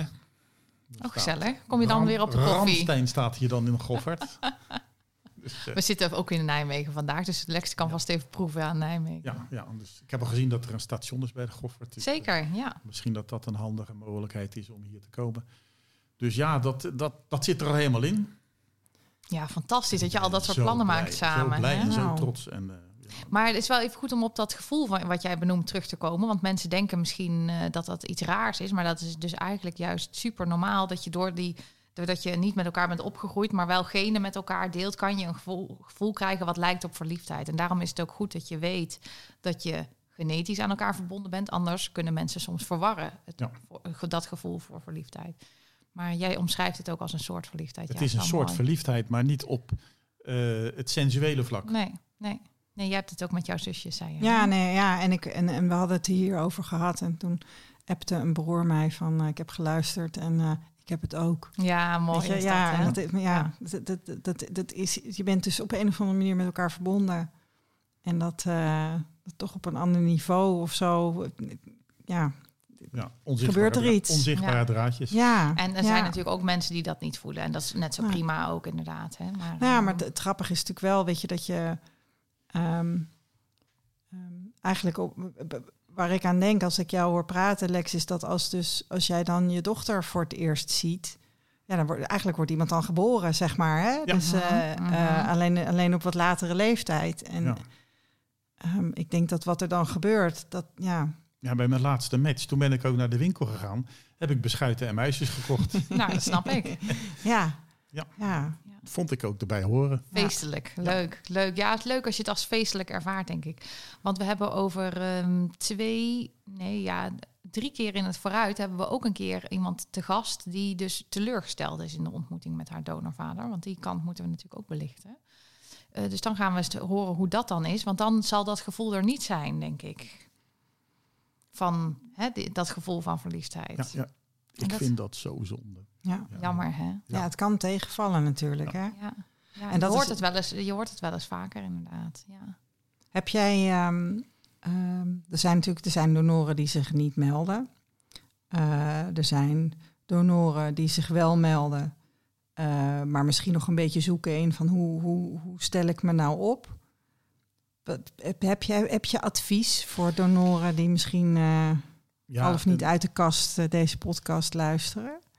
Ja, ik heb hier een beetje eh, zitten juichen in de microfoon zowat over hoe gaaf het is om twee donorkinderen te vinden. En eh, omdat het aantal donorkinderen wat bij mij eh geconcipieerd is met mijn productie, omdat dat heel klein is, ehm, kan ik ze eventueel ook, als ze alle, al die andere kinderen zich ook nog melden, kan ik al die andere kinderen ook nog evenveel aandacht geven. Het heeft voordelen hè, dat je met pensioen bent.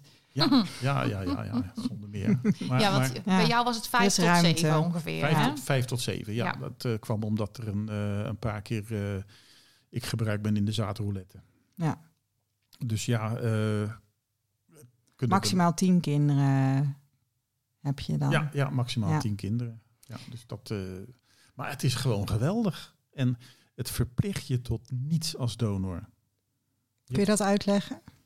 Ja, ehm, de wet is daar heel duidelijk in. Dat eh, als jij ingeschreven bent in de burgerlijke stand met jouw moeder en je, eh, je opvoedvader, dan zijn die verantwoordelijk voor jou. Eh, eventueel eh, verplichtingen die er zijn, moeten zij op zich nemen. Mhm. Eh, erfenissen die gaan naar de wettelijke kinderen en niet naar de donorkinderen. En ehm, ja, je kunt ook niet tegen je donor zeggen van joh, eh, pap, kun jij even mijn Hm. studieschuld aflossen voor mij, want ik heb het geld even niet. Nee, Ik heb ook nog nooit van een donorkind gehoord die dat soort vragen stelt nee hoor. Maar dat, ik ook dat- niet, nee.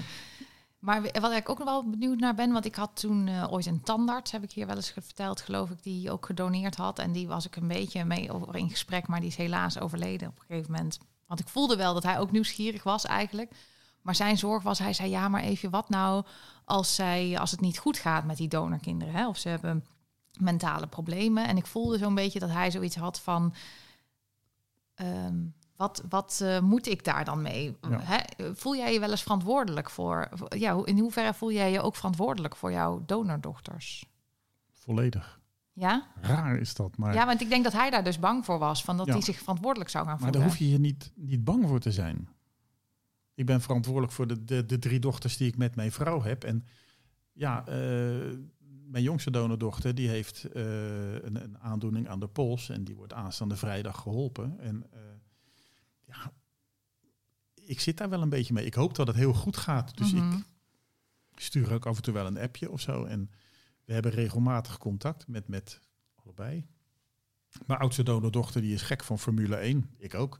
Dus als er een Formule 1 race is, dan zitten we met elkaar Oh, te appen. van, jou Ja, ja. Ja, dat is hartstikke leuk. Leuk Ja. om dat ook te zoeken bij elkaar. Hè? Van wat heb je gemeen? En, Ja, wat, En wat deel je inderdaad? Haar ja. man, dat is ook weer een, een, een hele een reuze beer is dat. En dat is echt zo'n knuffelbeer. En mijn vrouw is ook gek op hem. Oh, leuk. En eh, hun kinderen ook, die, ja, die komen ook, daar ben ik ook gek op. En hun oudste kind, dochter, die vroeg een keer, mag ik bij opa Lex en oma Corrie gaan logeren? Zo, nee, zij noemt ons Lex en Corrie, maar de jongste van de twee die noemt mij opa Lex. Dus ik laat het in het midden hoe ze mij willen noemen. Ja. Papa, dat vind ik niet passen. Nee. Ze noemen mijn donordochters noemen mij gewoon Lex. Ja, Dat vind ik ook het makkelijkste. Ja.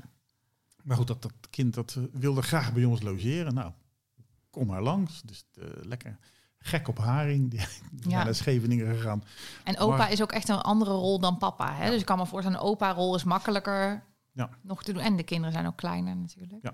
Want, want ik, eh, ik had al een beetje aangekondigd, want eh, wil je nog iets vertellen over het verschil nou? Hoe is dat nou anders? Je, je eh, dochters, je wettelijke dochters die bij jou zijn opgegroeid en, en je donordochters. Want ja, die ken je natuurlijk pas korter. Ja. Pas later leren kennen. hè? Nou, ik- mijn, of onze dochters, eh, die heb ik natuurlijk van klein af aan meegemaakt. Van, ja, nou ja, vanaf het moment dat ze geboren waren aan de borst gingen. Ik heb de luiers verschoond. Ik heb verhaaltjes voorgelezen. Ik heb ze naar school gebracht. Nou ja, noem maar op. Alles. Je hebt ze van klein af heb je ze groot zien worden. Je hebt ze zien huilen. Je hebt verkeringen uit zien gaan. eh, je hebt ruzies meegemaakt. eh, de puberteit heb je met ze doorgebracht. Dus daar zit een hele grote, diepe geschiedenis bij. Ja, Met die donorkinderen heb je die geschiedenis niet. Maar ik probeer nu geen onderscheid meer te maken. Als een van die kinderen jarig is en ook als een van hun echtgenoten jarig is, dan maak ik daar geen onderscheid meer in. Het is niet van, eh, jij bent een kind van ons samen, dus jij krijgt een groter cadeau dan Hm. eh, de donorkinderen die er zijn. En mijn vrouw ook, die, hoe raar het ook is, het is helemaal niks van haar, maar zij voelt ook een grote band met die kinderen. Dus, ja, mooi is dat hè? is- Nou, je hebt volgens mij ook echt een hele leuke vrouw. Dat kan niet anders. ja, omdat ze met mij getrouwd is, dan moet het wel leuk ja, zijn. maar ook om alle verhalen die ik nou hoor, denk ik. Hoe zij daarop reageert. Dat is Nee, zo is- warm. ja, zij is echt eh, heel open en Open-minded. Ja, en, en eh, zij zegt ook van ja, ik zie wel wat er komt. En zij is ook eh, iemand met heel weinig vooroordelen.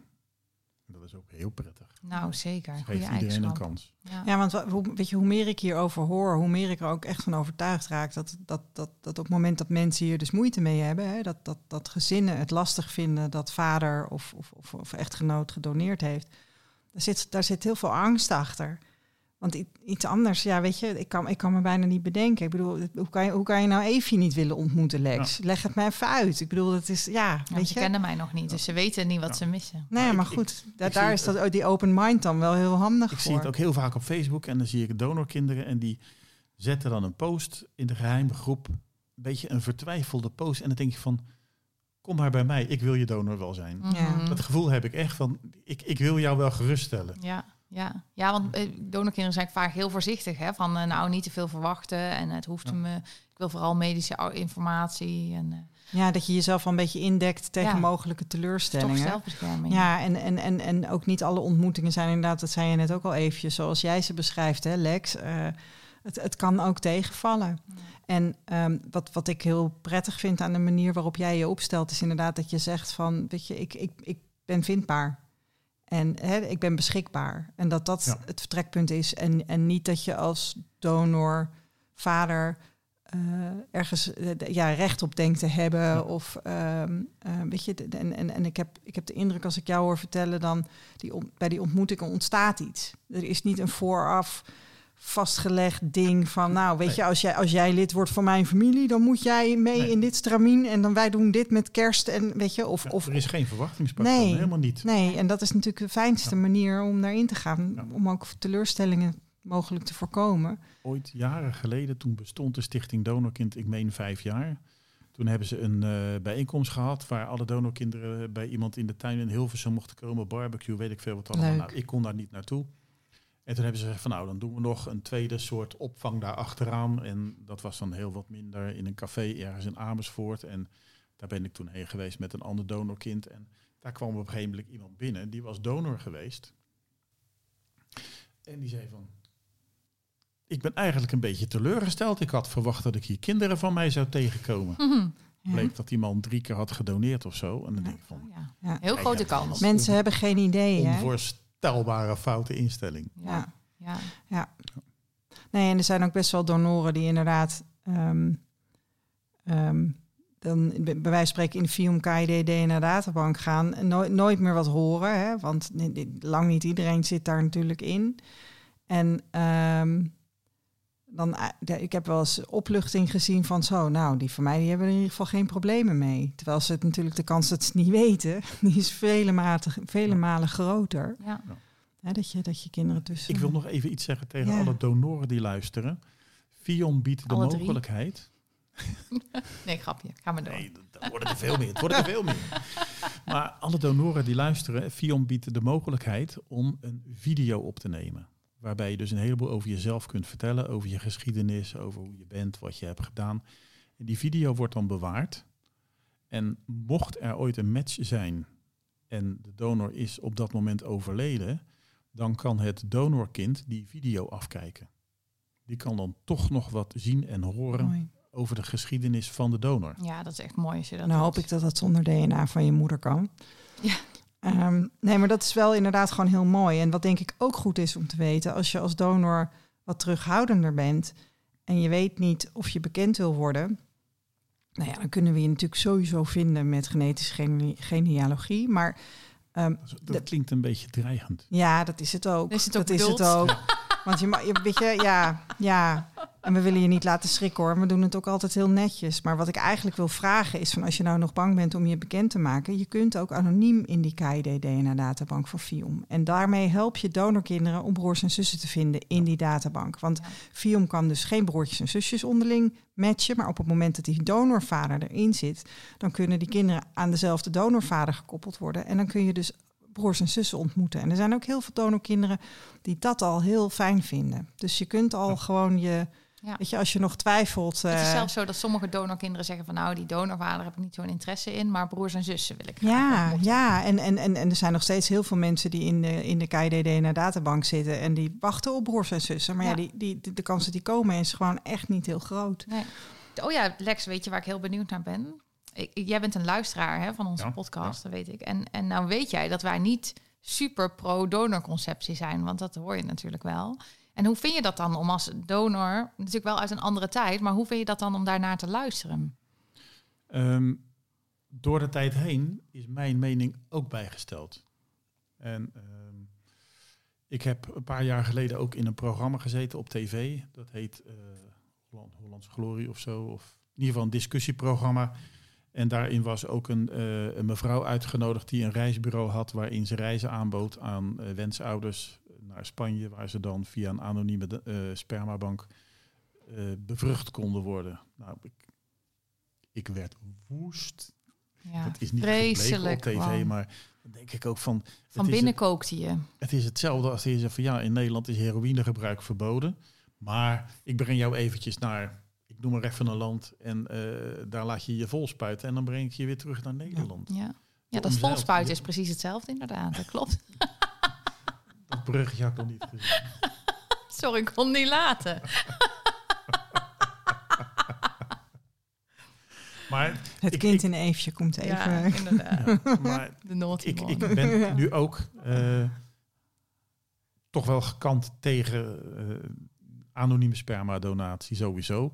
En eh, bij eh, ja, KID denk ik toch ook dat van tevoren al een soortement van klik moet zijn tussen donor en, en, en wensouders.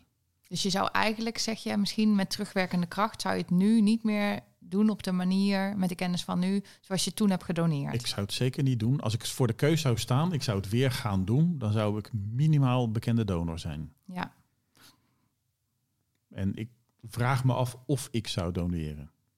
ja. Of misschien aan een bekend stel of zo. Ja. Dan. Achteraf gezien heeft het voor mij wel heel gaaf uitgepakt. Ja. Kan je je voorstellen dat er donoren zijn die ook verhalen horen van dat, dat klinieken eh, zaad veelvuldig gebruikt hebben? Hè? Nou ja, er is natuurlijk veel, Jan Karbaat is veel in het nieuws geweest. Eh, Er er zijn een aantal eh, eh, serial sperm donors. eh, Ja. eh, dat ze zich zorgen maken over de hoeveelheid kinderen die er gemaakt zijn. En dat, dat Ja, ze tuurlijk. zich daardoor laten tegenhouden. Ja, ja, ja. Kunnen we die Eh. mannen overtuigen? Wat zijn, wat kunnen, hoe kunnen we... Ja, ja ehm, Want ik kan het me er, is, ook er, is, er voorstellen. is een heel maar- oud spreekwoord en dat luidt... de mens lijdt het meest onder het lijden dat hij vreest. ja, dat is wel mooi, ja. Hè, ehm, Ja, als je ergens bang voor bent, eh, ga de confrontatie maar aan. Dan weet je het. Ja. En als er, ik noem maar even wat, zoals bij Rijnstaten, ineens blijkt dat jij 47 kinderen op je naam hebt staan. Terwijl iets anders afgesproken was. Terwijl er is afgesproken met jou maximaal 25. Dan is dat jouw schuld niet. Nee, dat sowieso niet. En jij bent inderdaad niet verantwoordelijk. Nee, je bent niet verantwoordelijk. Het enige is, waar je dan problemen mee zou kunnen krijgen, is van hoe, als ik dat wil, ga ik contact onderhouden met zoveel kinderen. Ja, best wel moeilijk, hè? Hoe, hoe, Ja. hoe zou je dat doen? Stel dat jij in die, in die situatie stond. Ja, eh, ik, ik, ik sta niet in die situatie en ik vermoed dat het dan zoiets wordt van eh, eens in het jaar dan eh, op de WhatsApp groep met 48 deelnemers zet ik van jongens, eh, ik ga vandaag naar Blijdorp in Rotterdam en zullen we daar met z'n allen heen gaan en dan ga je met z'n allen een samen naar een de dierentuin. En Aapjes kijken en elkaar bekijken. En we laten er een paar treetjes bier aanrukken en Ja. Ja, Ja. ja. noem maar wat. Maar dan kun je ze niet de aandacht geven. Nee. Het is ook niet echt een reden, denk ik, om het niet te doen. Hè? Want inderdaad, zoiets, ja, dan is het één keer per jaar. Want inderdaad, je kan niet een, Nee. een, een warme band opbouwen, denk ik, met 47 Nee, als je mensen. 47 kinderen hebt, dan ben je elk weekend naar een verjaardag. Maar ik vind dat dus wel, ik ben in die zin, kijk, mijn donorvader heeft, eh, als het goed is, ehm, wat ik begrepen heb, zijn er ook eh, waarschijnlijk zes of zeven kinderen ontstaan. Dat is dan door de dokter afgesproken. En doordat er nu nog weinig donorkinderen, hè, ik heb één halfbroer tot nu toe, zich hebben gemeld, denk ik, nou, dat zou misschien wel eens kunnen kloppen. Ehm, want ik dacht ook wel eens van ja, als je met heel veel bent, dan ben je sowieso al je kans op een soort unieke relatie met je donorvader kwijt. Ja, niet dat ik die kans Ja. niet heel erg ervaar, maar, maar ook onderling, hè? ja. Want, want, want dit is natuurlijk ook, eh, ook ja. in die groepen. Ik, ja, ik heb tien broers en zussen en ik vind het ook wel een puzzel. Ja, dat Ja. snap ik.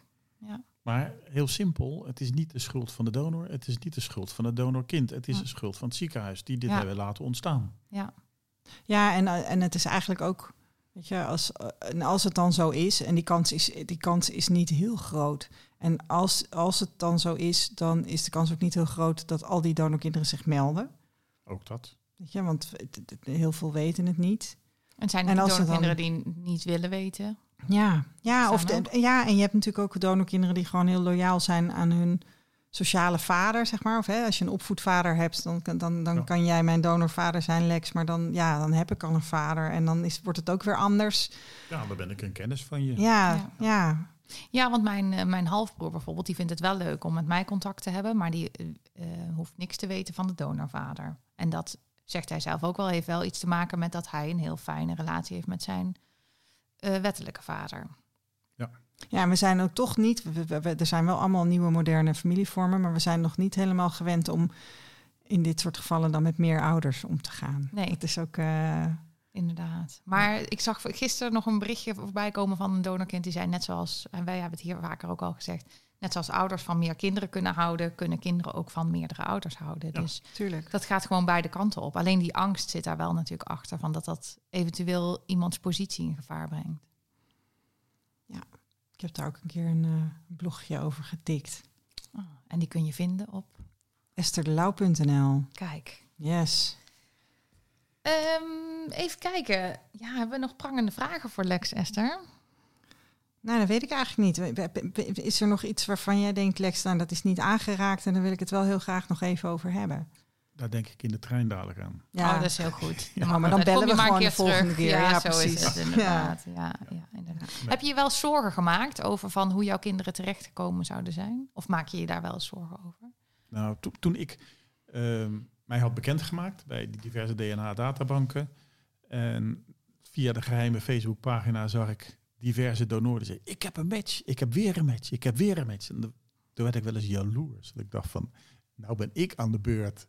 Ik wil dat ook wel eens zien. En je loopt toch ook over straat en dan kijk je en dan zou dat er een van mij zijn? Zou dat er een van mij zijn? Soms heb je dat. Ja, Ja. En, eh, wat mooi. Want dat, is, dat, dat ervaren donorkinderen inderdaad ook. Ja. Hè? Die lopen ook zo over straat. Van zou die, zou die man, eh, Ja. zou dat hem zijn? Maar goed, het lopen nu, nu dus nog een aantal eh, volwassen mensen rond die, die hebben mijn genen. En ja, als ze willen, dan staat het contact met mij open. Ja, want eh, dat, is misschien nog wel leuk om even op te snorren. Je hebt afgelopen jaar volgens mij in Trouw gestaan. Ja. Vond een mooi artikel. Ehm, jij, jij bent echt actief. hè? Je treedt actief naar buiten als, eh, als donor. Ook een goed voorbeeld van geen schaamte. Ja, Ja, heerlijk. mooi. We eindigen Ja. het taboe. Telegraaf heb ik gestaan, Algemeen Dagblad heb ik gestaan. Eén vandaag ben ik geweest, meerdere Ja. keren. Ja. Dus Nou, ik denk dat we even, als we daar nog wat linkjes van hebben of kunnen vinden, dat we wat delen. Want het is ook gewoon misschien fijn voor mensen om dat te lezen. En, eh, en misschien ook eens in hun omgeving nog te delen. Of eh, Ja, eh, ook om nog iets meer van jou te Ja. weten te komen. ja, nou ja, en mochten Lex. ze rechtstreeks contact willen, dan kunnen ze dat via jullie denk ik wel doen. tuurlijk. Zeker. Nou, je kan ons altijd een berichtje sturen naar de kwakwaakt op Instagram. Of op Gmail, dekwakkwaakt.gmail.com. Mag ook. Dus, eh, en dan eh, linken wij het wel- wel weer door naar Lex. En Ja, hoor. probeer alles te zijn. beantwoorden. Nou, dat is lief. Dat is lief. Dus niet alleen, niet alleen beschikbaar voor je eigen donorkinderen, maar ook voor eh, andere Ja, natuurlijk. mensen met vragen. Nou, heel fijn. Dat is een beetje mijn plicht. Ik moet, ik moet het goed maken dat ik anoniem donor was.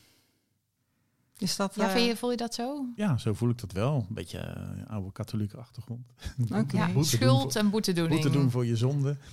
Ja.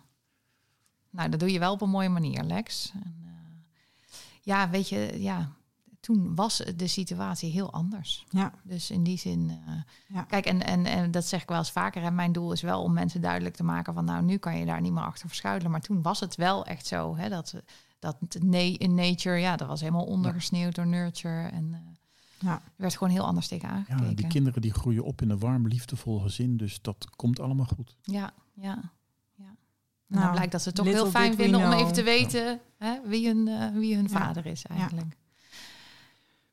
We zijn denk ik rond. Ja, ik heb eh, nog even een dingetje. Want we, ik kreeg gisteren een pakketje. En dat was bij de buurvrouw afgeleverd. En er stond helemaal geen adres, niks op. En toen dacht ik van, oh, dat is van Amazon. Meijen heeft virus iets besteld. Ja. Maar dat bleek Meijen niet het weer, geval. Meijen weer. Meijen weer. En dat, maar dat bleek niet het geval. Het was een, een DNA-test van Ancestry. Ehm eh, Oh, ja. Een donorkind voor wie Ivo eh, gezocht heeft. Die, eh, die heeft een, eh, een kit gedoneerd. En nou hebben wij natuurlijk eerder een keer een oproep gedaan... waarbij je best wel heel veel ingewikkelde dingen moest doen. Ja. Je moest uit de kast als donorkind... en dan, nou ja, dan kon, je, kon je kans maken op een test. Nou, eh even hoeveel testen hebben we weg kunnen geven? Nul testen. Nul niemand, testen. niemand wilde op ja, staat Instagram uit de de hoek kast staat al een komen. hele stapel. Ja, ja, ja, inderdaad. Nou, ik heb, Kunnen we hem echt, uitdelen. ik heb hem dus gewoon in, inderdaad op de stapel in de kast gelegd. En ik dacht, ja, dit is eigenlijk ook wel heel erg zonde. Dus Ja, ik, ik zou het toch wel heel leuk vinden als we een keer iemand een testje cadeau kunnen doen. Iemand die een goede reden heeft om te testen. Ja.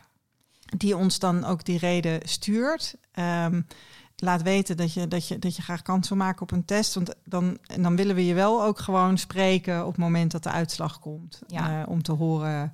Maar je hoeft niet meer uit, uit de kast te komen op Instagram. Want dat, daar is de tijd blijkbaar nog niet rijp voor. Maar wij waren zo bold dat we dachten, wij gaan dit gewoon even proberen. Ja, ja. Alles om het taboe eraf te krijgen. Maar we waren weer te vroeg. Jij zei al, Lex, wij zitten op de eh, TGV, of Ja. wat zei jij? en we moeten het boemeltreintje even pakken.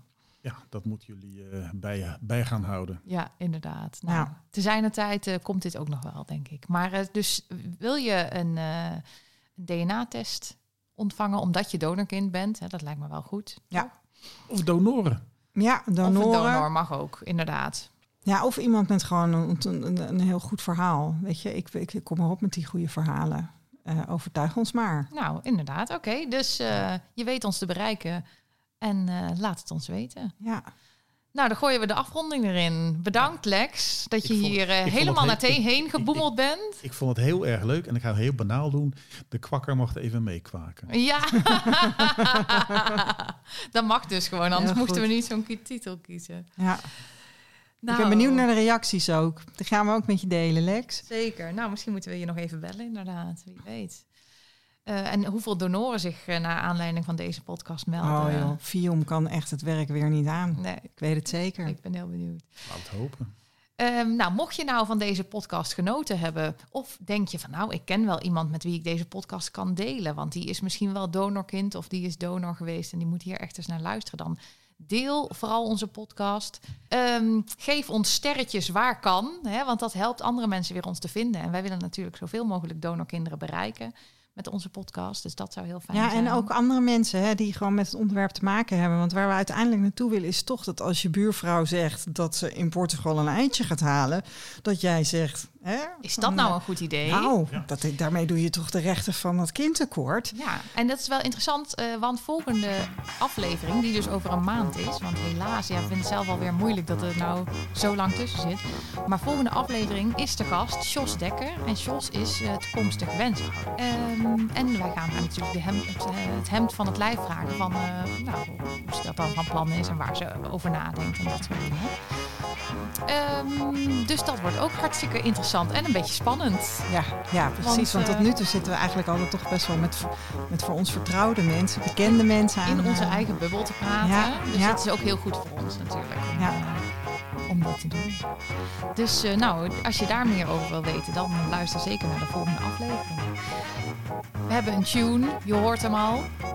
Speak Easy van Shane Ivers. En die eh, vind je op www.silvermansound.com. En eh, nou, over een maandje zijn we er weer. Tot over vier weken even. Dankjewel Lex. Dankjewel Lex.